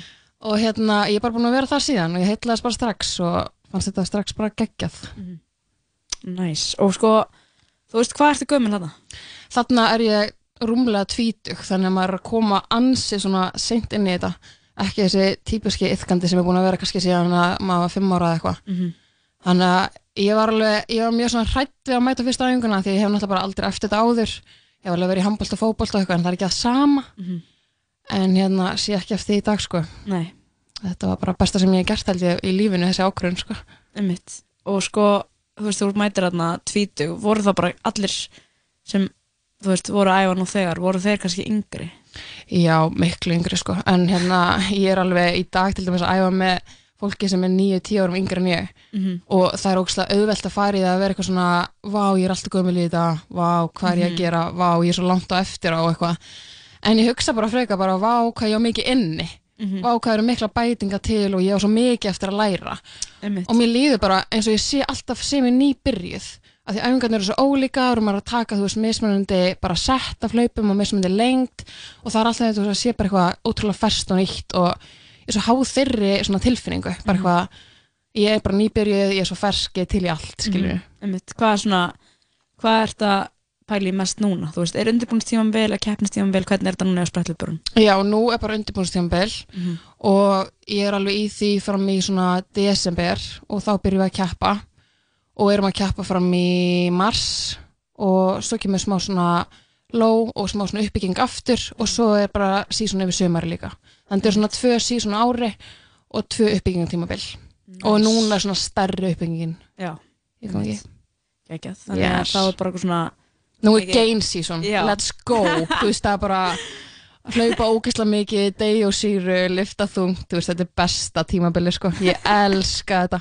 Það er raunin smá svona erfitt fyrir mann stundum að vera bara að keppa. Mhm. að því maður er svo mikið að kvíla maður bara kvíla, keppa, vera fersku fyrir keppni taka smá svona uppbytun og eitthvað að því að þú veist, ég elska að æfa. Mhm. þannig að þetta er svona mitt uppbóls tímabil held ég bara á árinu sko.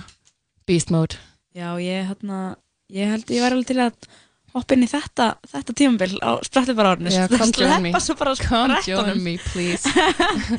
En sko, ok, tölum aðeins um eitt, þarna, svona byrja gammal í sporti, þú veist, við erum náttúrulega ekki að tala um að það hefur verið eitthvað þegar þú byrjar, þú ert tvítug, Já. en við erum kannski að tala um að þetta er svona kannski ekki beint tíminn þar sem að margir er eitthvað svona að byrja í fyrst skipti að æfa eitthvað, eitthvað íþrótt. Nei, alls ekki og eins og ég segi, ég, það er svo skrítið að koma úr svona hópíþrótt þar sem að maður er að vinna sem lið og maður er að vinna einhverju saman og svo allt í hennu ertu bara eitthvað einn og óstuttur og bara stendur og fellur með sjálfið þér og ert bara að fara að eitthvað sem að þú er og keppa í einhver sem þú er aldrei gert áður. Mhm. og það er ógeðslega skeri það er bara, þú veist, ég beilast alltaf þegar ég fara að keppa, sko. En það er líka svo ótrúlega svona ég elska þetta challenge. Ég elska þetta bara að vera bara ég og allt sem að ég legg inn bara svona trúa því að það muni skila sér. Mhm, einmitt. og það svona, það drýfur mig bara áfram og þessi tilfinning sko. Bara að vera hann á línunni og vera bara belast úr stressi hugsa alltaf bara, Katrín, hvað ert að gera þér? af hverju ert að gera þetta? Einmitt. þú veist, mér langar ekkert til að gera þetta svo bara gerum við sér ötti og svo er skotið að stað og maður neglir að stað og maður gleymur öllu Já. og ég bara næsta, mér langar aftur þetta adrenalín sko, það er ekki hægt að ná í þetta neistar Einmitt, og ég held að þetta er bara nokkra sekundur og öll þessi sjúka vinna fyrir bara nokkra sekundur Mhm. en þú veist, maður bara gleymur öllum erfileikum og öllum meðslum og öllu kæfta þetta er bara allt þess virði þetta sjúka kick sko ég. I love it Ég hérna, hef prófað að fara í svona, hvað heitir þetta aftur, svona blokkir. Já. Og ekki það ég hafi tekið marga spretti, ég fór bara eitthvað að Ari bara var að sína mér höllina já. ykkar æfingasvæði. Um, og þetta er ógæðslega svona, hvernig getur maður, þú veist, orðað þetta, bara, maður verður bara stressaður við að fara í, bara standa í þessu og hausin einhvern veginn svona niður, skilur, þá bara, og ég, þú veist, ég er ekki keppi í sprettum, skilur, en þetta var bara, mér fannst þetta erfitt bara hvað við klúðra fyrst skrefinu, skilur. þetta er bara mest scary moment lífsins Mhm. sko. Þetta er bara, en þetta verður, maður er svo háður. Já. það er það geggjað við þetta sko. Maður prófar þetta eins og þá bara veit maður einmitt fara aftur og aftur. Þetta Já. er bara svo í rússibanna eða eitthvað. En ég held að ég gæti bara svona sem ég lappa þetta er bara hlaupa, ég eitthvað, Mhm. hei ég er búin að vera að hlaupa allt mitt líf. Já, ég er komið einmitt. að hlaupa en eitthvað, bara let's go. Ég get hlaupið hratt sko. En hérna, vá, hvað ég þurfti að vera humble og bara, þú veist ég, Einmitt. ég veit ekki shit sko. Þetta er svo mikil tækni. Mhm. og eins og ég segi, ég er bara kannski búið með svona 5% af vinnunni, ég á svo mikið eftir að læra, Já. en það er líka bara besta, Einmitt. þú veist, að við erum ekki alltaf bara eitthvað að segja þess að sögu að maður sé svo gamall og lélugur og eigi neitt í þetta, bara hei lærum meira, gerum meira, mæta Nákvæmlega. hverjum degi og gera aðeins meira hvað kannski svona komir óvart við hlaupið, þú veist, eins og einmitt, maður horfir kannski á fólk hlaupa, maður er eitthvað, ég get alveg hlaupið hratt, ég get Mhm. alveg hlaupið hraðar en þessi, Mhm. eða skiljið, þú veist, þessi skiljið, maður bara svona, maður horfir á þetta er bara hlaup, en það er svo miklu meira, hvað kannski var það sem kom svona mest á óvart þegar þú varst að byrja að æfa? bara í rauninni hvað þetta er ótrúlega mikil tækni Mhm. og eins og bara núna er ég búin að vera að drilla inn þessa litlu þætti bara hvar hendunar eiga að vera, hvernig mjöðmennar eiga að vera, spenna Mhm. kórið lenda rétt undir sér starti, startið er náttúrulega bara case út af fyrir sig, þú veist, Mhm. það, það er bara repetition endalaust Mhm. og það er eitthvað sem að ég sko, það er minn svona veikasti lekkur skilur, ég er betri í svona toppspítinu en einmitt bara meiri vinna til að sitja inn þar og það er bara þessi sjúka tekni þetta er Já. bara, maður bara gerir þetta endalaust og þetta drillur sem að maður sér svona fólk er að gera alltaf undan, Mhm. þetta er bara til að þú veist, þú skilja hlaupi betur og hlaupa þú veist, teknina Einmitt. og allt svoleiðis Oh, svo gaman. þetta er svo gaman Það er, það er gaman að finna, finna sig í einhverju sporti, sko. Algjörlega og ég held sko að frjálsar hafi smá verið þannig að veist, þetta er svo fjölbreytt, það er ekki bara eitthvað hlaup skilur, Mhm. uh, spjótkast uh, hástökk, skilur eins og það er einn sem var með mér sem var listanskautum og það er náttúrulega mikið power og stökk Mhm. og þú veist, það er bara frekar eðlislegt fyrir henni að fyrir hástökk Mhm. en þú getur komið inn í þetta svolítið svona gamall eða þannig Já. og þú getur alveg, þú veist, þú átt sensi og bara mætir og gerir og leggur aðeins í þetta og, bara vilt þetta notar ekki einhverjar afsakanir Já, sko. með það, bara elevate sko árum við höldum um, áfram þá þá ætlum við að heyra aðeins eitt lag af því að við höfum eftir að spjallum ímislegt á hérna, mér langar að fara aðeins svona meira í einmitt bara svona munurinn á því að festast í ykkur sporti ef maður er ungur. Og þú veist, svo hættir maður kannski mentaskóla það er svona uppskriftin bara, skilur Mhm, sem að fólk gengur í gegnum. Algjörlega. og svo þú veist að geta feta sér samt aftur í einhver öðru sporti. Og mér langar svolítið svona já, að stoppa þar og, og tala um, aðeins um það þegar eftir örskamastund en við ætlum að fá að já, hlusta eitt lag. Um, ég kom með lag með Travis Scott sem heitir the Room, room þekkira Love it. Hlusta Nei, ekki mm -hmm. Þetta er bara svona næs lag, hlustum á þetta og komum svo aftur eftir örskamastund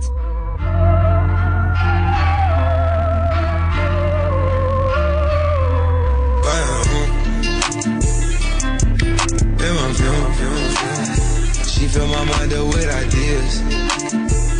I'm the highest in the room. Hope I make it out of here. She saw my eyes, she know I'm gone.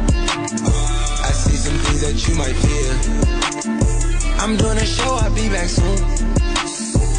That ain't what she wanna hear. Now I got it in my room. Legs wrapped around my beard. Got the fastest car Zoom. Hope we make it out of here.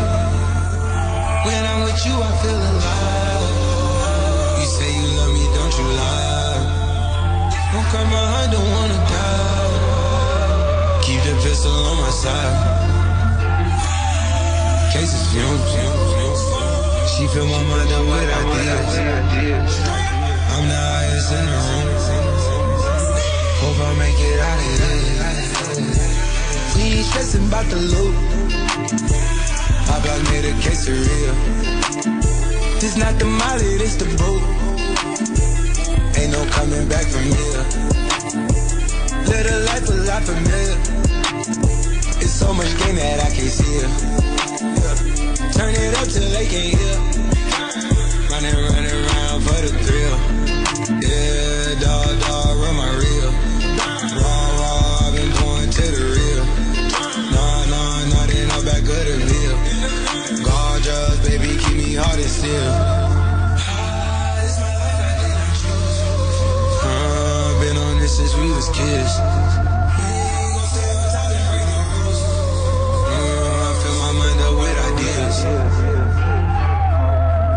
She fill my mind up with ideas. I'm the highest in the room. Hope I make it out of here. Out of here. Out of here.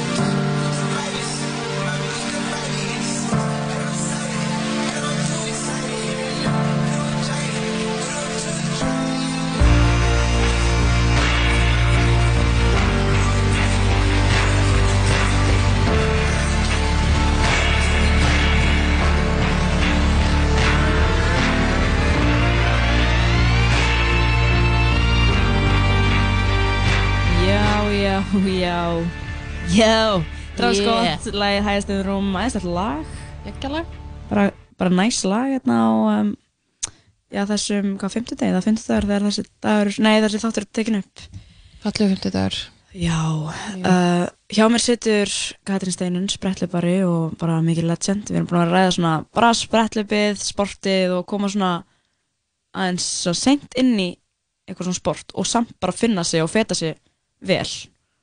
Og hérna, mér langar svona aðeins kannski, þú veist, þú talar um að þú hefði prófað ímislegt að þú varst hérna í spretthlaupi. Já. Varst í fótbolta, varst í handbolta, svona bara eins og mjög margir, þú veist, það er mjög margir sem eru myndið eitthvað svona festa sig í eitthvað svona hópíþróttum og bara, þú veist, fíla það vel en svo þegar maður kemur kannski í mentaskóla þá er maður eitthvað svona, ah, ég veit ekki alveg hvort þín enn svo lengur. Algjörlega. Um, en kannski bara svona, hvað heldur að hafi, ég veit ekki, þú veist, mér, finnst svona, ef ég, ef ég komið með svona mitt mitt take þá svona held ég að þegar ég var að æfa kannski fótbolta þá held ég að ég væri bara með geð mikið passion Já. skilur, Já. svo prófaði ég eitthvað nýtt sem ég fekk bara alvöru passion fyrir og þá fann ég bara, wow, þetta, þetta er gaman Bara hitt allt var annað ekki level. gaman, Já, skilur allt annað level. en svona, hvað kannski heldur að hafi látið halda áfram að æfa þessar íþróttið þú varst yngri Um, sko, ég held að hafi verið svo mikið félagskapurinn líka, bara alla bestu vinkunum minna vorum alla saman í handbólta og það var bara geggja að fara saman á æfingu og eitthvað svoleiðis og svo verður maður bara svona peppaður í liði og eitthvað þannig, fattur Mhm.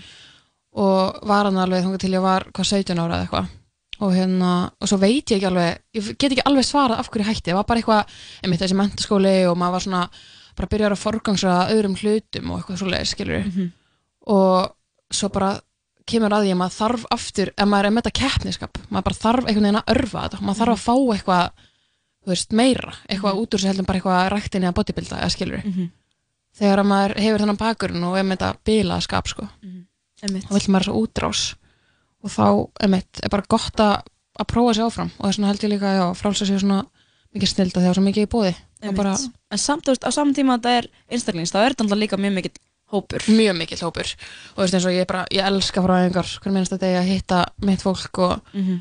og bara það er ekkert betra en góður hópur sem að er jákvæður og allir eru að meða að einhverju og verða betri og svolítið það bara smitar út frá sér og minn hópur er geggjaður og Einmitt. dyrkaður og það er svo gaman hjá okkur sko. Ekki? Jú, það er alveg snilt það er mjög mikilvægt Já. en sko, þú veist, svo líka kannski þegar maður er yngri að þá bara svona þór maður kannski ekki endilega að hætta maður Nei. er einmitt bara með þessa vini og maður Já. kannski þór ekki að vera gælan sem að hættir Nei. og er eitthvað, já, Birna er bara alveg hætt að mæta æfinga Já, Æ, það skilurðu, er þú alveg veist. pressa, skilur, maður Og- er hluta af liðinu Já. og maður má ekki, þú veist, let the team down og eitthvað þannig, Mhm. skilur og þú veist, það var alveg nefnt við mig um eitt bara eitthvað svona, hey, vilt þú ekki tekka á frálsum og ég bara gæti ekki hugsa mér það Nei, Þú veist, það var búið að vera að spurja mig út í það lengi og mamma alltaf eitthvað að pressa á mig, sko svo bara fann ég það 100% sjálfur mig bara, hei, nú er rétti tíminn til að prófa þetta, nú vil ég þetta og annars hefði ég örugglega aldrei í þessu, sko. Ef einhver hefði bara þvingað mér í þetta. Það er líka bara miklu gaman þegar maður er sjálfur að skora á sig og nær svo að þú veist, og maður, þó, þó svo hefur ekki fílað en þú skorar alltaf á þig og varst sjálfur eitthvað, herri, nú ætla ég að prófa. Algjörlega. og prófar og það er bara hefnast sjúklega vel. Og núna er það, þú getur rauninni bara verið þakklátt sjálfur þér það líka oft vera eitthvað sem maður má alveg svona muna og eftir og þú veist, 100% minna sig sko. á og mér finnst líka bara ég veit ekki hvað hefði, eða sko, hvernig ég hefði verið ef ég hefði ekki byrjað, af því að bara lífið mitt breytist svo sjúklega við þetta. Af því að þetta byrja náttúrulega, þetta gerst ekki eitthvað allt í einu. Ef við erum að tala um bara þessi markmiðasetning, þessi að mæta á æfingarna bara hver mennsta degi og vinna að einhverju, uh, mataræði uh, sjálfströst, þetta er allt bara þetta byggir allt á þessu. Mhm. og ég, eins og ég segi, þetta er ekki gerst allt í einu en þetta gerist hægt og rólega og bætist hægt og rólega við og maður lærir alltaf betur að sjálfa sig og það byrjar bara eitthvað svona sjúkleg sjálfsvinna. Mhm. bara að hlusta podcast, lesa meira seek knowledge og vera alltaf svona einhvern veginn alltaf einhvern veginn að þróa sig og verða betri og ég held að það sé það sem er að halda mér í þessu. Ég finn bara bætingarnar og það gerir mann svo æstan í þetta bara svona er á einhver svona einhver vegferð og maður vill ekki, og maður veit að það er meira til og maður vill ekki hætta, maður vill bara aim high. Heldur þá ekki líka bara að maður sé kannski þá bara já, farin svona aðeins meira að hugsa um bara sjálfan sig og þú veist bara svona að hugsa vel um sig þegar maður finnur eitthvað sem maður líka með passion fyrir og þeir langar að ganga vel þar þá þarf það að hugsa vel um þig til þess að þú veist ganga vel í þeirri íþrótt eða bara Algjörlega. í áhugamáli þetta er kannski líka bara svona með lætur mann ósjálfrátt byrja að hugsa vel um sjálfan sig algjörlega og þú, veginn, þú vilt fara að þú veist, borða til þess að geta gert það sem að þú vilt gera mm -hmm. þess að áður kannski borðaði ég mjög illa, mjög lítið og var ekki bara, bara með mjög slæmt mataræði. Uh, borðaði allt og lítið af carbs og allt þetta dótari og hérna svo bara fer ég á okkar mataræði af því að ég heyrði að það væri, þú veist, gott fyrir íþjóttafólk og eitthvað. Og þá læri ég mikilvægi þess að fá, þú veist, á réttum tíma, Mhm. stærri skamtastærri og bara fatta ég, heyrði, já, ég er bara búin að vera að borða allt og lítið þarna í mörg, mörg, mörg ár, skilur og þá kemur það inn og þá kemur bara í rauninni til dæmis bara heilbreyðara viðþorf og, og svona til mataræðis Mhm. og til dæmis það bara búið að hjálpa mér gríðarlega mikið Einmitt. og líka bara svona nú, ég þarf að ná þessum svefni að því ég ætla veist, að hlaupa hratt á morgun mm -hmm. sprettlupin alltaf svona taugakerfis dæmi sem þú þarf að vera bara með ferskar taugar Mhm, til að performa eitthvað sko þannig að jú, þetta bara svona leiðir eitt og öðru og allt hjálpar hvort öðru Mhm. að verða bara besta sem maður getur verið held ég Einmitt. Hvað svona, þú veist, hvað myndir þú segja við svona, hvað getur við sagt svona, bara, þú veist, 14-15 ára sjálfa þig, skilur uh, bara að vera óhrætt við að prófa hlutina og elda sem að þú vilt gera og vera ekki alltaf að fylgja hópnum eða fylgja því sem þér sagt skilur Mhm. ef þú, ég svona hugsa eða bara finnst eins og að tilfinning lígur ekki, skilur, ef Mhm. eitthvað er rétt þú finnur að það er rétt og sérstaklega ef eitthvað er ránt, líka með lætuðu vit að þú færði eitthvað tilfinning eða bara, heyrðu ég vil þetta ekki, ég ætla ekki að gera þetta. Og maður svo settlaði svo lengi við bara eitthvað sem var alls ekki maður sjálfur. Mhm. og þú veist, auðvitað er þetta bara eitthvað sem að kemur með aldrinum og með auknu sjálfströsti og betri sjálfsmynd og allt þetta. En, og ég er alveg þakklátt fyrir bara allt sem ég hef gengið gegnum að því annars væri ég ekki hér í dag, skilur Mhm. en já, ég vildi það vera þess óhrættari við að fara bara minn eigin veg og vera óhrætt og vera bara sterk á mínu, sko. En fannst þá fyrir bara einhverju pressu frá, þú veist, fannst þú meira pressu félagslega sem er rauninni kannski líka bara jákvæð pressa, maður er kannski bara með hópin sem maður langar að hafa þið ennþá, þú veist, Já. í vinahópnum, eða fannst þú fyrir líka kannski pressu frá, þú veist, fjölskyldu, þjálfurum, eitthvað svona að vera að æfa eitthvað, að vera ekki að eitthvað, ertu ekki að æfa eitthvað? Jú, klálega. hvar- Hvar fannst þú fyrir mestur svona bara, pressunni? sko, úr öllum áttum og pappi alltaf stutt mig alveg öllu sem ég gerði skilur, en þau eru bæði Mhm. mikið svona íþróttafólk og mann er leið svona, já, ég, ég á líka að vera einhver svona, eða þú veist Mhm. Og en einmitt, ég held að þessi hafi bara verið sterkasti þátturinn sem félagstegi þáttur. Af því að Já. við vorum alla bestu vinkonar vorum bara saman í bekk og svo bara fóru á æfingu eftir skóla. Og það var bara uppskriftin já, það var bara uppskriftin, það er bara sem þú áttur að gera. Já, en ég hugsa oft svona hvað ef ég hefði byrjað miklu fyrir frálsum af Mhm. því að ég er frekar náttúrulega sterk og hérna ég hefði til dæmis viljað fara í sjöþraut. Mhm. þú veist, það sem er bara hástökk kúla, Já, skilur, bara að prófa allt. Ég hef, vildi ég hefði prófa það allt Mhm. það er svona, það er svolítið eftirsjá af því að hlaupin hafa alltaf verið svona frekar náttúrulega fyrir mér Mhm. eða svona frekar hröð bara en það hefur verið geggja að vera grjótur í sjöþraut sko.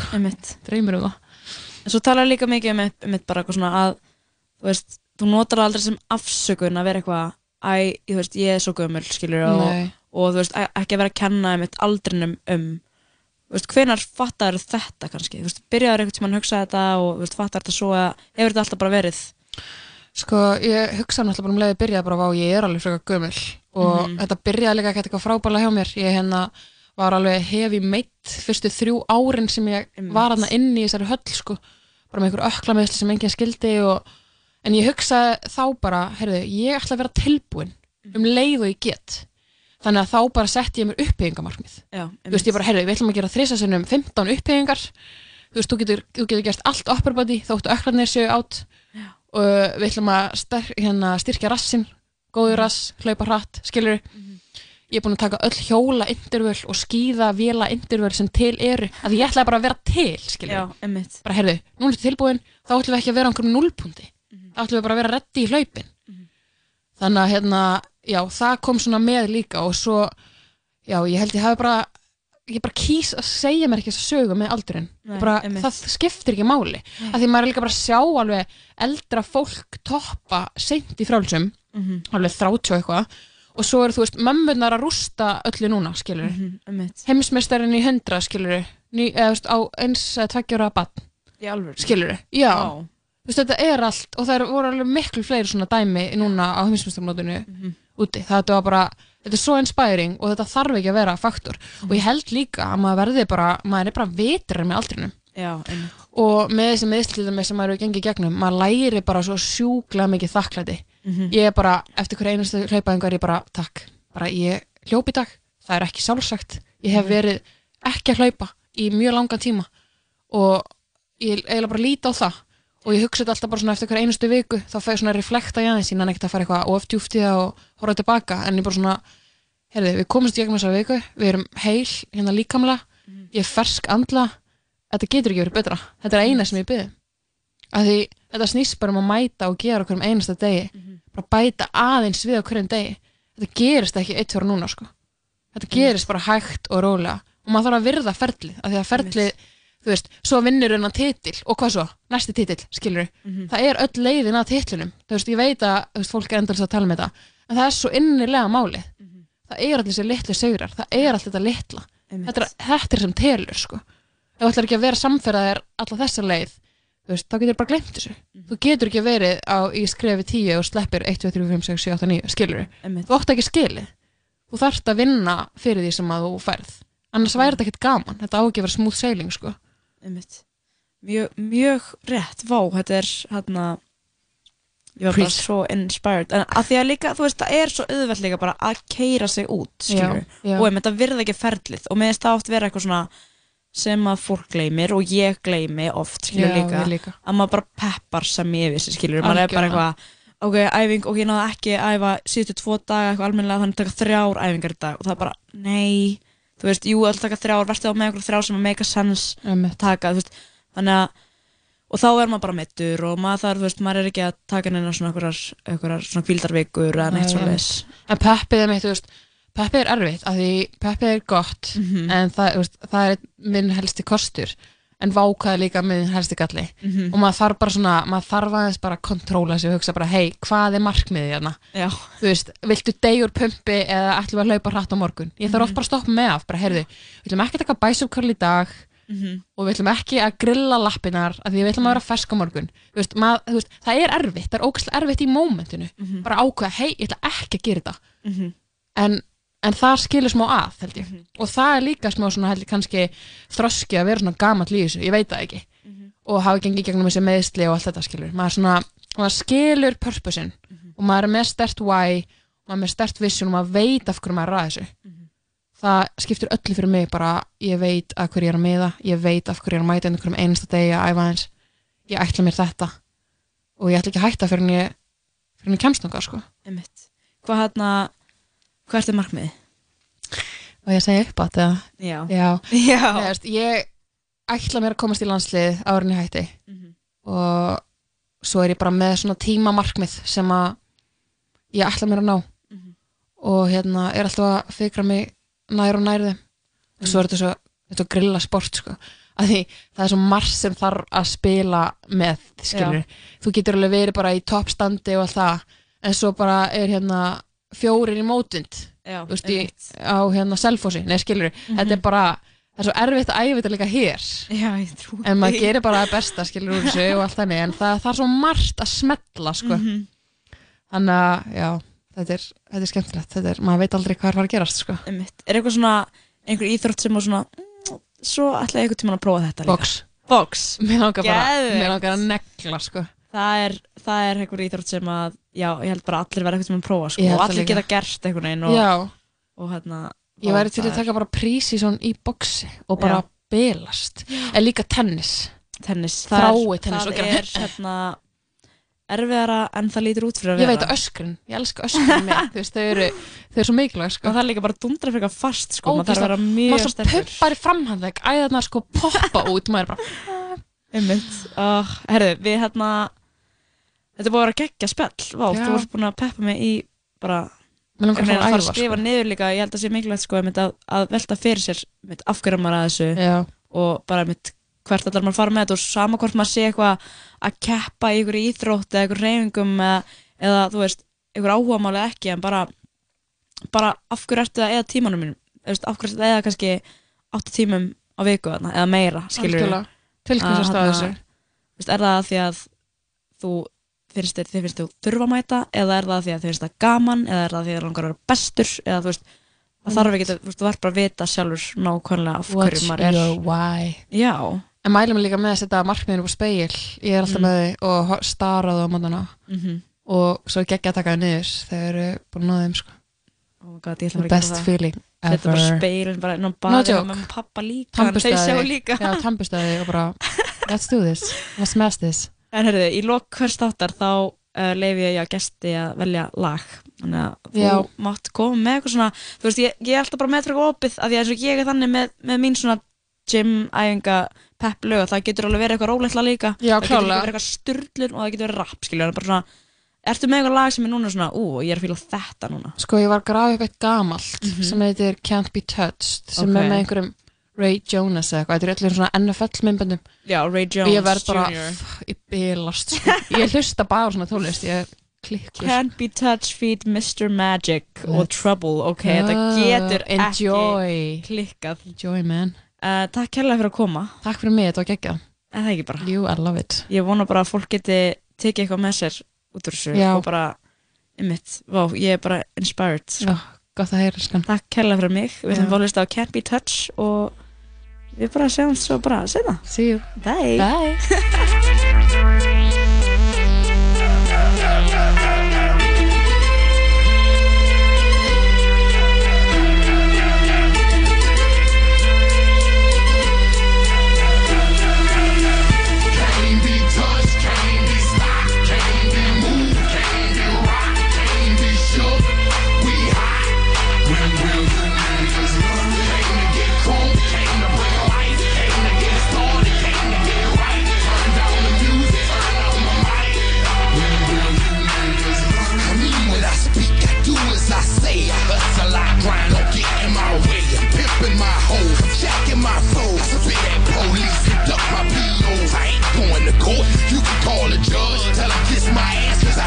And I ain't going back to lock up. You're trying to Glock a pop up. I ain't going back to broke, and I'm never gonna stop the buffing. Not for nothing. The block, they need me. The streets, they need me. The club scene, nigga, it's mine, believe me. You don't believe me?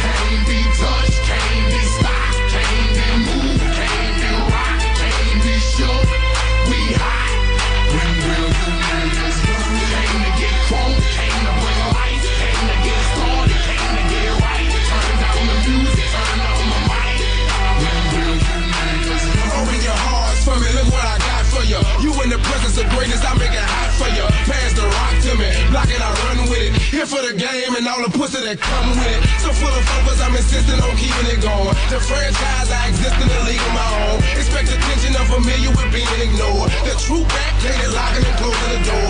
Brick wall in the road, I won't move. The king, I'm like Roy in the ring, I can't lose. Show the face of compare to man. You wanna walk? Motherfucker ain't hard to find. I holler back, nigga.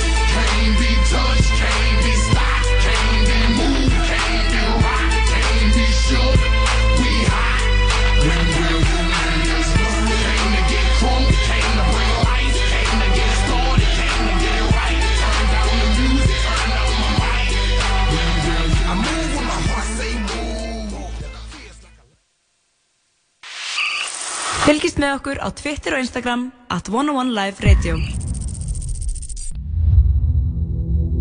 Shakespeare verður ástfangin. Ástir. Ég læt ekki taka þið frá mér. Aldrei. Svik. Komdu með handriti! Gríftu þeirra hensló!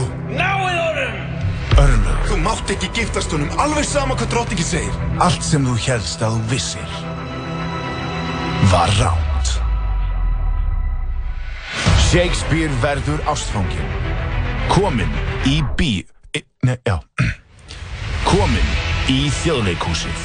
Miðasala er í fullum gangi á leikhúsið.is Big Trouble er nýr, stór og sterkur sérborgari á American Style. Í bóði í takmarkaðan tíma. American style. 14 stöðvar og 7 sundlöðar á aðeins 6.840 krónur á mánuði. World Class. Æsland er kynir. Æsland Airways, helgina 7. til 9. november. Miðasala á tix.is. Tala saman. Alla virka daga, milli fjögur og sex. Í bóði Dominos og Zombieland Double Tap Komin í bíó Já, sítið sáttunni tala saman hér langt frá því að vera hægt Við vorum að enda við að hlusta á liðinarnar Byrnumarju aðeins meir en bara Jim Jep. Og uh, já, Lóa, við höldum áfram í, í okkar uh, daglega bladri Jeps. Og þú ætlar að segja mér frá einhvern fréttum Ég ákvað bara að klikka á það sem er mest lesa á vísi. mm. Fólki veit uh, hvað er fönn og skemmtilegt og hvað þannig. Já, Þannig að auðvitað er fréttin með, með Viagra í fyrirsögninni já mest einmitt. lesin. Já, Það er svo að Tómas, læknan Tómas, það þekki hann nú allir. Já, lækna kongurinn Tómas Guðbergsson, hjarta og lungna skurðlæknir Mhm. og fjallamæður Lækna Tómas uh, upplýsti í morgun að hann væri sannlega sálæknir sem skrifar einna mest út af Vi- Viagra sem er þekkt sem stinningarlif Það er stinningarlif, já þannig að af hverju, af hverju er hjarta og lung, lungna skurðlæknir að skrifa útfyllt af Viagra. Mhm. uh, það er út af því að það virkar á háfjallaveiki. Já, það. Mm -hmm, Það er sem sagt hæðarveiki, sérstaklega hæðarlungna bjú og Já. stundum nota sem fyrirbyggjandi Ok. Mörgum finnst það spennandi, segir hann. Ég er sannlega sá læknir sem skrifar einna mest út á Viagra. Mhm. Kom allir til mín og segist vera að fara okkur háfjöll En það er staðirind að það getur reynst vel að það er einmitt sérstakur kapli minnst sérstaklega á þessi lif Cialis og Viagra en þau hafa áhrif á lungnaþristing þannig að ef þú þig langar í Viagra en þú er ekki að segja að þú getur ekki náðan upp þá ertu bara eitthvað, ég er að leiðin á fjall. Ég er að leiða mjög stórt fjall. Ok, lifehack. Gott að vita þessu. Já, þetta er þetta er smá fyndið. Ég er að leiðin á Everest, ég er mjög stressaður. Já, ég ætla að fá bónir á. Everest. Það er bara uh, ríða í basecamp. Já. Ok, Þekkir ekki joke. sem hefur farið á Saga hefur farið í Basecamp. Sagaras? Já. Já, uh, stafsynni þekkir það núna, Helga Kvandal. Ok. Uh, fóreldra vinkonu minna kynntust í Basecamp. Aha. Everest, já. Heitust fyrst þar bara tveir Íslandingar ekki, bara í mismunandi ferðarlegum bara eitthvað hei og svo er þau bara búin að vera gift í eitthvað 20 ár, Wow svolítið beautiful. Já, já, sjátt á þau. Sátt að þau. Um, ég væri úkslega til að fara ánga en þú, um, ég er búin að vera að sjá styrlaða myndir. Þetta er bara lukkar svo vel. Já, já, þú veist, alveg eins. A ekki, er það ekki smá svona kalla heimilagi fyrir lengi smá á þig? Mm, Ég get ekki sagt það. Ekki, ok. Ekki enn, ég er alltaf er, Nei, það þarf alltaf að koma eitthvað svona moment. Já, ég er ekki beint komin nú svona langt út í það að lappa á svona. Hefur ekki verið mikið að fara á fjöll Nei, alls Lang- ekki sko En hann að pappin, hann fyrir stundum á Já, hann, fjall. hann gengur. Já, og fyrir fyrir á hotstrandir. Mhm. Sjá geði ekki að mynda svispu frá honum frá hotstrandum Mhm. Hefur, veistu hvað ég er að tala um? Já. Þannig að þú eftir að dætt inn í þetta sko. Já, ég Þetta er þannig að til þess að ná þessari tengingu við náttúruna The only way sko. Já, Bara vera úti í marga daga. Já, Bara eitthvað on your own. On my own. Mm I had to do it on my own Ekki? On my own. Já, hann ætla öll þessi lög eru samin. Út í, hérna, Úti í náttúrunni. Út í óbyggðum. Mitt er, ég var að syngja stegur uh, einn af minni uppáhalds bíómynd sem er byggð á söngleiknum sem er byggð á bókinni Veselingarnir eftir Mm. Victor Hugo. Mm. Fílaru annað myndina með Anne Hathaway Veselingarmyndina? Hathaways uh, Ég man það ekki, ég horfði á hann ekkert mann með öðru augunum. Þetta er ekki beint svona my cup of tea Þetta er minn tebólli sko. Þetta er minn tebólli þessi mynd Já. sko Það er allt í henni, það er ást, það er pólitík, það er drama, Já. það er Frakland á 19. öld, eða 18. öld, I don't know, hvernig var franska byltingin?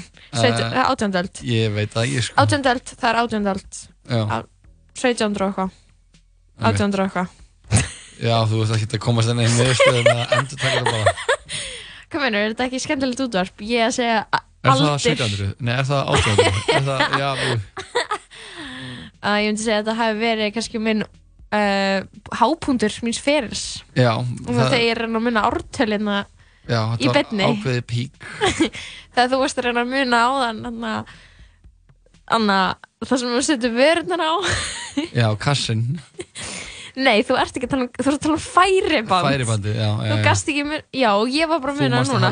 Ég var að muna færiband. Nei, það er ekki færiband, færiband er eitthvað annað.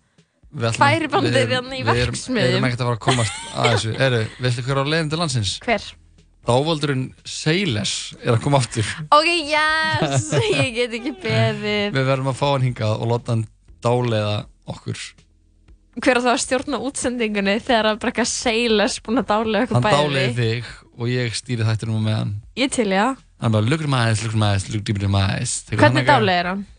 Uh, Hvað, þú veist, hvað lætur hann mann, þú veist, hvernig dálegandi hann er hann? þegar ég sé klippur hann þá er hann alltaf að láta fólk vera eitthvað að káfa á sér og vera eitthvað svona ah, ah, fullnæðingu eitthvað. Eitthvað svona dótt þegar hann kom til Íslands það er við klippa það var svona, hann er svona perralur dáaldur Já, hann segir hann að, ég er ekkert fyrir pólitíska rétthugsun dávaldurinn Seyles nýr aftur Er hann ekki hrifin af pólitísku réttöksun? Nei. Sjúk, þá kemur hann ekki hingað ég vil alveg fá hann í tala saman Heldur allir sem kom í tala saman séu gett PC Já, við fáum bara PC góða fólki til okkar í þáttinn Erst þú í góða fólkina? Er ég? Mhm. Já, Er það? e, já Ég seti reyndar á bekknum þar. Nei, þetta var einu svona gó- góðu bandir á Twitter. Það var einhvern tók saman og gerði svona anna, starting line-up fótballtalið hjá góða fólkinu. Og hverju voru, hverju voru Logi var, byrjaði inn á hjá góða fólkinu. Og ég man ekki alveg.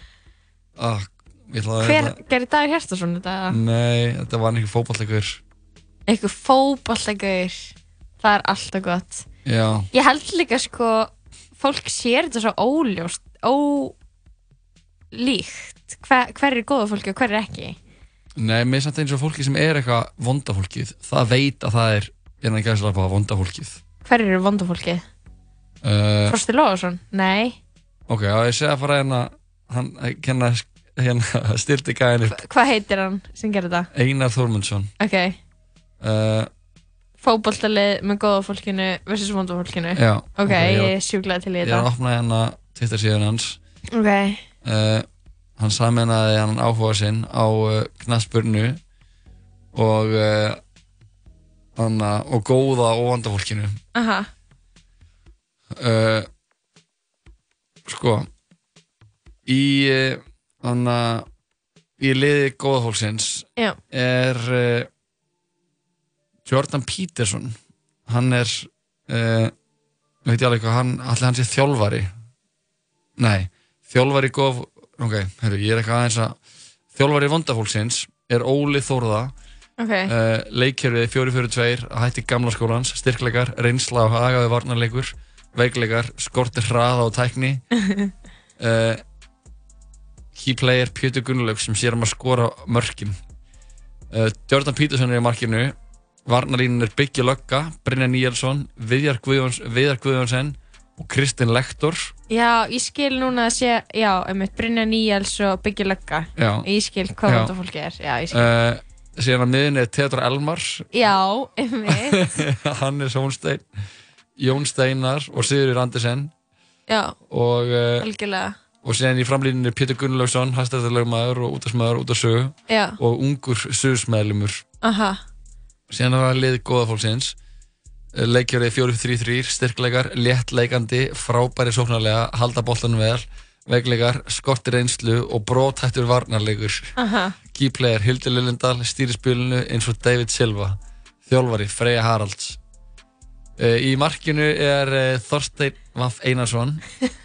Hver er það? Sem er hann er með hann að kynja Dótið hann að Karlmannskan Já, já. Er með Karlmannskan uh, Varnarlínan er síðan Króli Bergur Þór Ingolfsson Hörður Makland og Tara Margrét. Uh, Djúpur á miðunni er Logi Pedro og fyrir framann hann eru Gísli Martin og Hildur Lellendal. Uh, síðan á uh, upp í fremstu výlinu er Heiða Björk Helmis Hver er það? Ég veit ekki hvað það er, Heiða Björk Heiða Björg Já,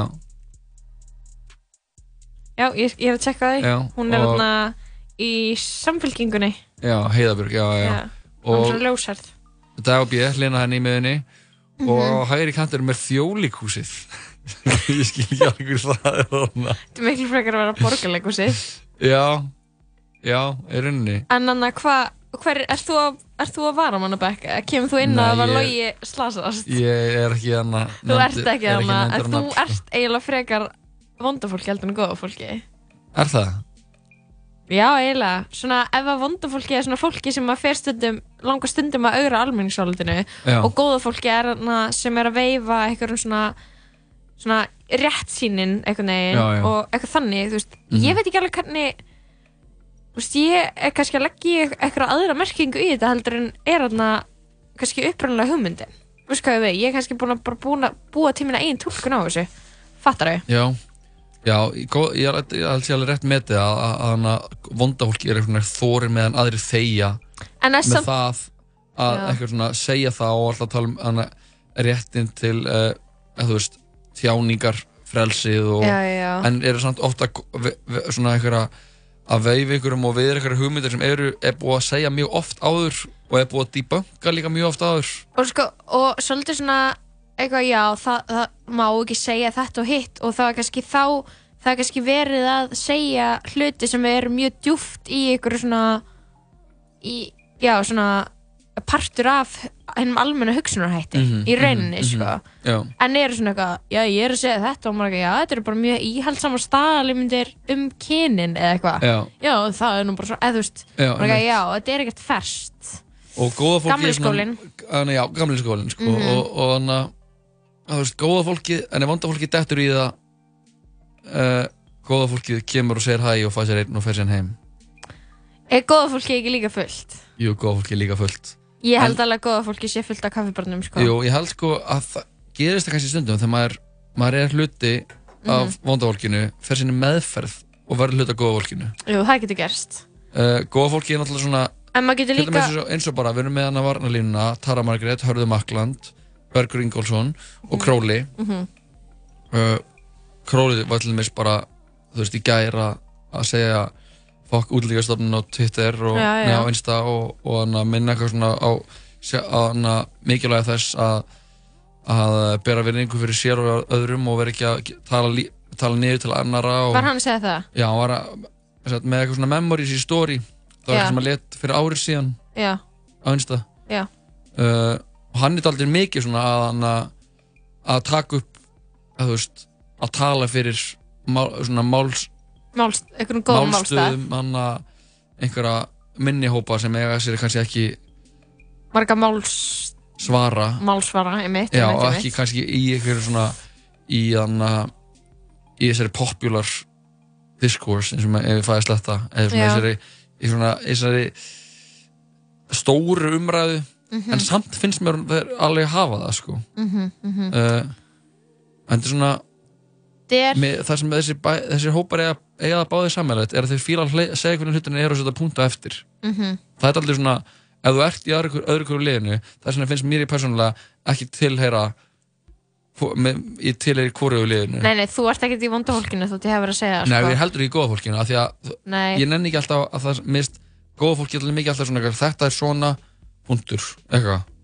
Og þannig að segja hvernig hlutinu eru veist, ég veit ekki hvernig hlutinu eru. Ég er bara, er fyrstulega að viðkynna það sko. Mhm. og þannig að eina sem ég veit er bara eitthvað svona sm- smáttir um, um mig og hvernig mér luður endur maður eins en, anna, en þrátt fyrir það að, veist, og burstið frá því þá anna, þá hef ég ekkert fæ ég ekkert mikið kikk út í að vera eitthvað að segja öðrum hvernig þeir eiga að hafa það. Já, ég held að oft að ég veit ekki eins og í gær það kemur upp þetta mál skilur það sem að kona á 37. viku meðgöngu er Mhm. send á landi Mhm. og mér er sjálfsagt að rísa upp á afturlappinnar skilur Já, ég snappa alveg henni í gær sko. Já, og, og svo hugsa ég líka skilur og, hana, og við þurfum ekki þarna, mann langar að sína stuðning en maður veit samt einhvern veginn að það er eitthvað svona smá uppgjöf við að gera bara samfélagsmiðlum Mhm. það er svona nær takmarkað en samt einhvern veginn má samt heldur ekki vann með þetta samfélagsmiðla Nei, nei, skilurðu. algjörlega sko en, en, eins og- sen er maður líka bara með einhvern, það er komin einhver algoritmi og við erum með einhverju mengi Já, ég held samt að áslöðurna hún sér alveg hvað fólk er að segja á já, já, Twitter. hún sagði alveg, er- hún var alveg að svara hún, og, hún var að svara en hún var bara að segja hluti sem voru bara ekki alveg, meikuðu ekki alveg sens með það sem var verið að tala um Nei, mér finnst Hún það bara er að vera eitthvað segja- pólitíst, af því að hún er alltaf Þetta er hún pólitískt jargon, hún, er, skilurðu. hún er mjög góð að vera að, að tjá eitthvað svona hluti á, á samfélagsmiðlum og nota þá sér í hag Mhm.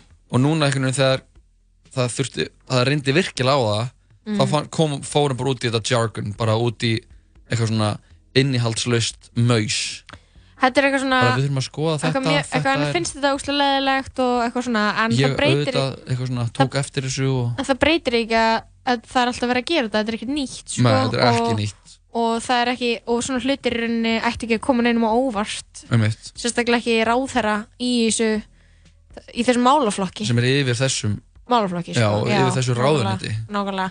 þannig að jú, jú, maður er eitthvað svona og svo er náttúrulega bara geðvægt líka að geta stundur bara sleftið að hafa segja sem skoðun já, já, ég er, ég, það, Það við, er eiginlega- við það erum er að tala hann all daginn en mér finnst við ekki vera veist, það kemur alveg fyrir að svona, ok Anna, say your piece bara, hvað ætlar að segja Já. nú ætlar að segja þína skoðun Mhm. en við erum samt mest megnins bara eitthvað að riffa það sem er að gerast, í að vera eitthvað að segja hvernig það er Já, Æ, ég segi alveg oft mína skoðun en ég, eða, þú veist, hún er bara eitthvað, byll, hún, já, skilur hún er líka síbreytileg sko. það er líka, mér finnst það líka vera smá, það sem skilgirinn er smá líka góða vondafólkið, er að það er allir svona smá, allir svona mótaða skoðanir.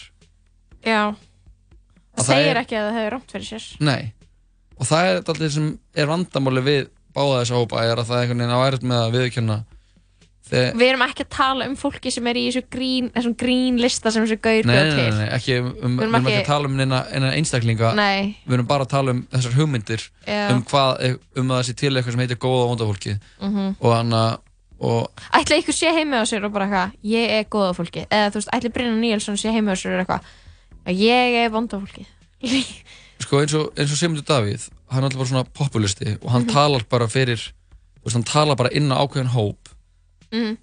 uh, að til ákveðis fólks sem sem er mjög hana, svona, sann, uh, svona satt í sinni sannfæringu Mhm, mhm. er mjög mest staðfast ég, í sinni sannfæringu Einmitt. og er mjög, bara mjög vist um að það hafi rétt fyrir sér og, þe og þeirra heimsmynd sé ekki skökk að það séu við, við hinn sem séu skökk Já, já, þannig að, að hafa rétt fyrir sér er einhvern veginn ég var að horfa ekki þátt hana Explained á Netflix Mhm, mhm. The Mind Explained Mhm. mæli með þessu, það Mhm. var að útskýra hvernig minni virkar Mhm. og bara minni er bara algjörlega trivial það er bara, er ekki, er ekki markvist það er ekki þannig það er ekki, Það er ekkert hana- gott arkæf fyrir það sem gerist í þegar þú færið minningu og síðan færið minningu af minningunni og síðan og var ekki að vera að tala við fólk sem er hvar varst hann enn 11 og þá var bara, ég var bara hana heima og að horfa á þetta, mamma var að horfa á þetta og ég sá bara hana hana að bara eldurinn var að koma hana og ég horfði við gluggan og sá þetta út um hana og síðan var bara nei, þannig að tala um mömmu sína og var ekki, nei, við, ég var að vinna bara í Cincinnati þegar Mhm. þetta gerist og, við vorum var þar. með- Já, og þá var hann eitthvað, ó það, en, en maður fær eitthvað svona hún er kannski verið að horfa eitthvað í sjónvarpinu eða eitthvað. Eitthvað hefur verið að gerast.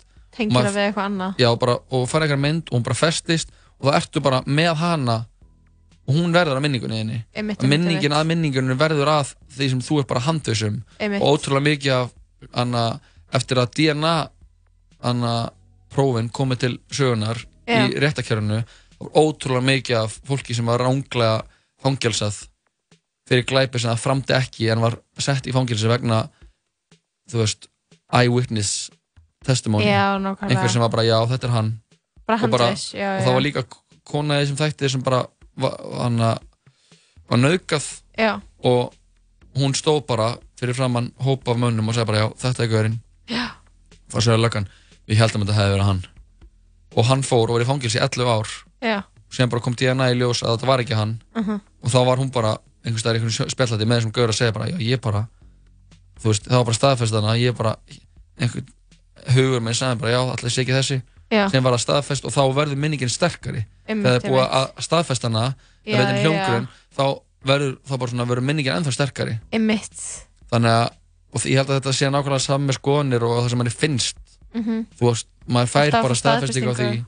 og þá verður það sterkara Meira rétt fyrir sér. Já, og einhvern þess vegna er bæði þetta góða og þetta vonda innan gæðsalapa fólk er aldrei þannig það er að tala inn á einhvern ákveðin hóp sem er alltaf staðfesta nákvæmlega. Staðfesta sína skoðanur og heimsmyndir þannig að- að það er svo erfitt fyrir það að það alltaf svona aðeins að færa sig í þessum stól. Mhm, mhm. og jafnvel standa upp úr honum og sjá hvort að einhver annar, annar stól sé kannski alveg góður. Mhm. Herru, þátturinn er búinn í dag. Við erum náða þannig að óvart allt spjallið. Já, við ætlum að kveðja í byli koming aftur á morgun í fjörugan þátt. Já, stappaðan þátt á morgun. Við þakkum fyrir okkur í dag, fengum gjörningaklubin Mhm. og aðeins meira bara tjem og spjall. Og og, segjum bara góða nótt, takk fyrir samfélgina Gleðileg jól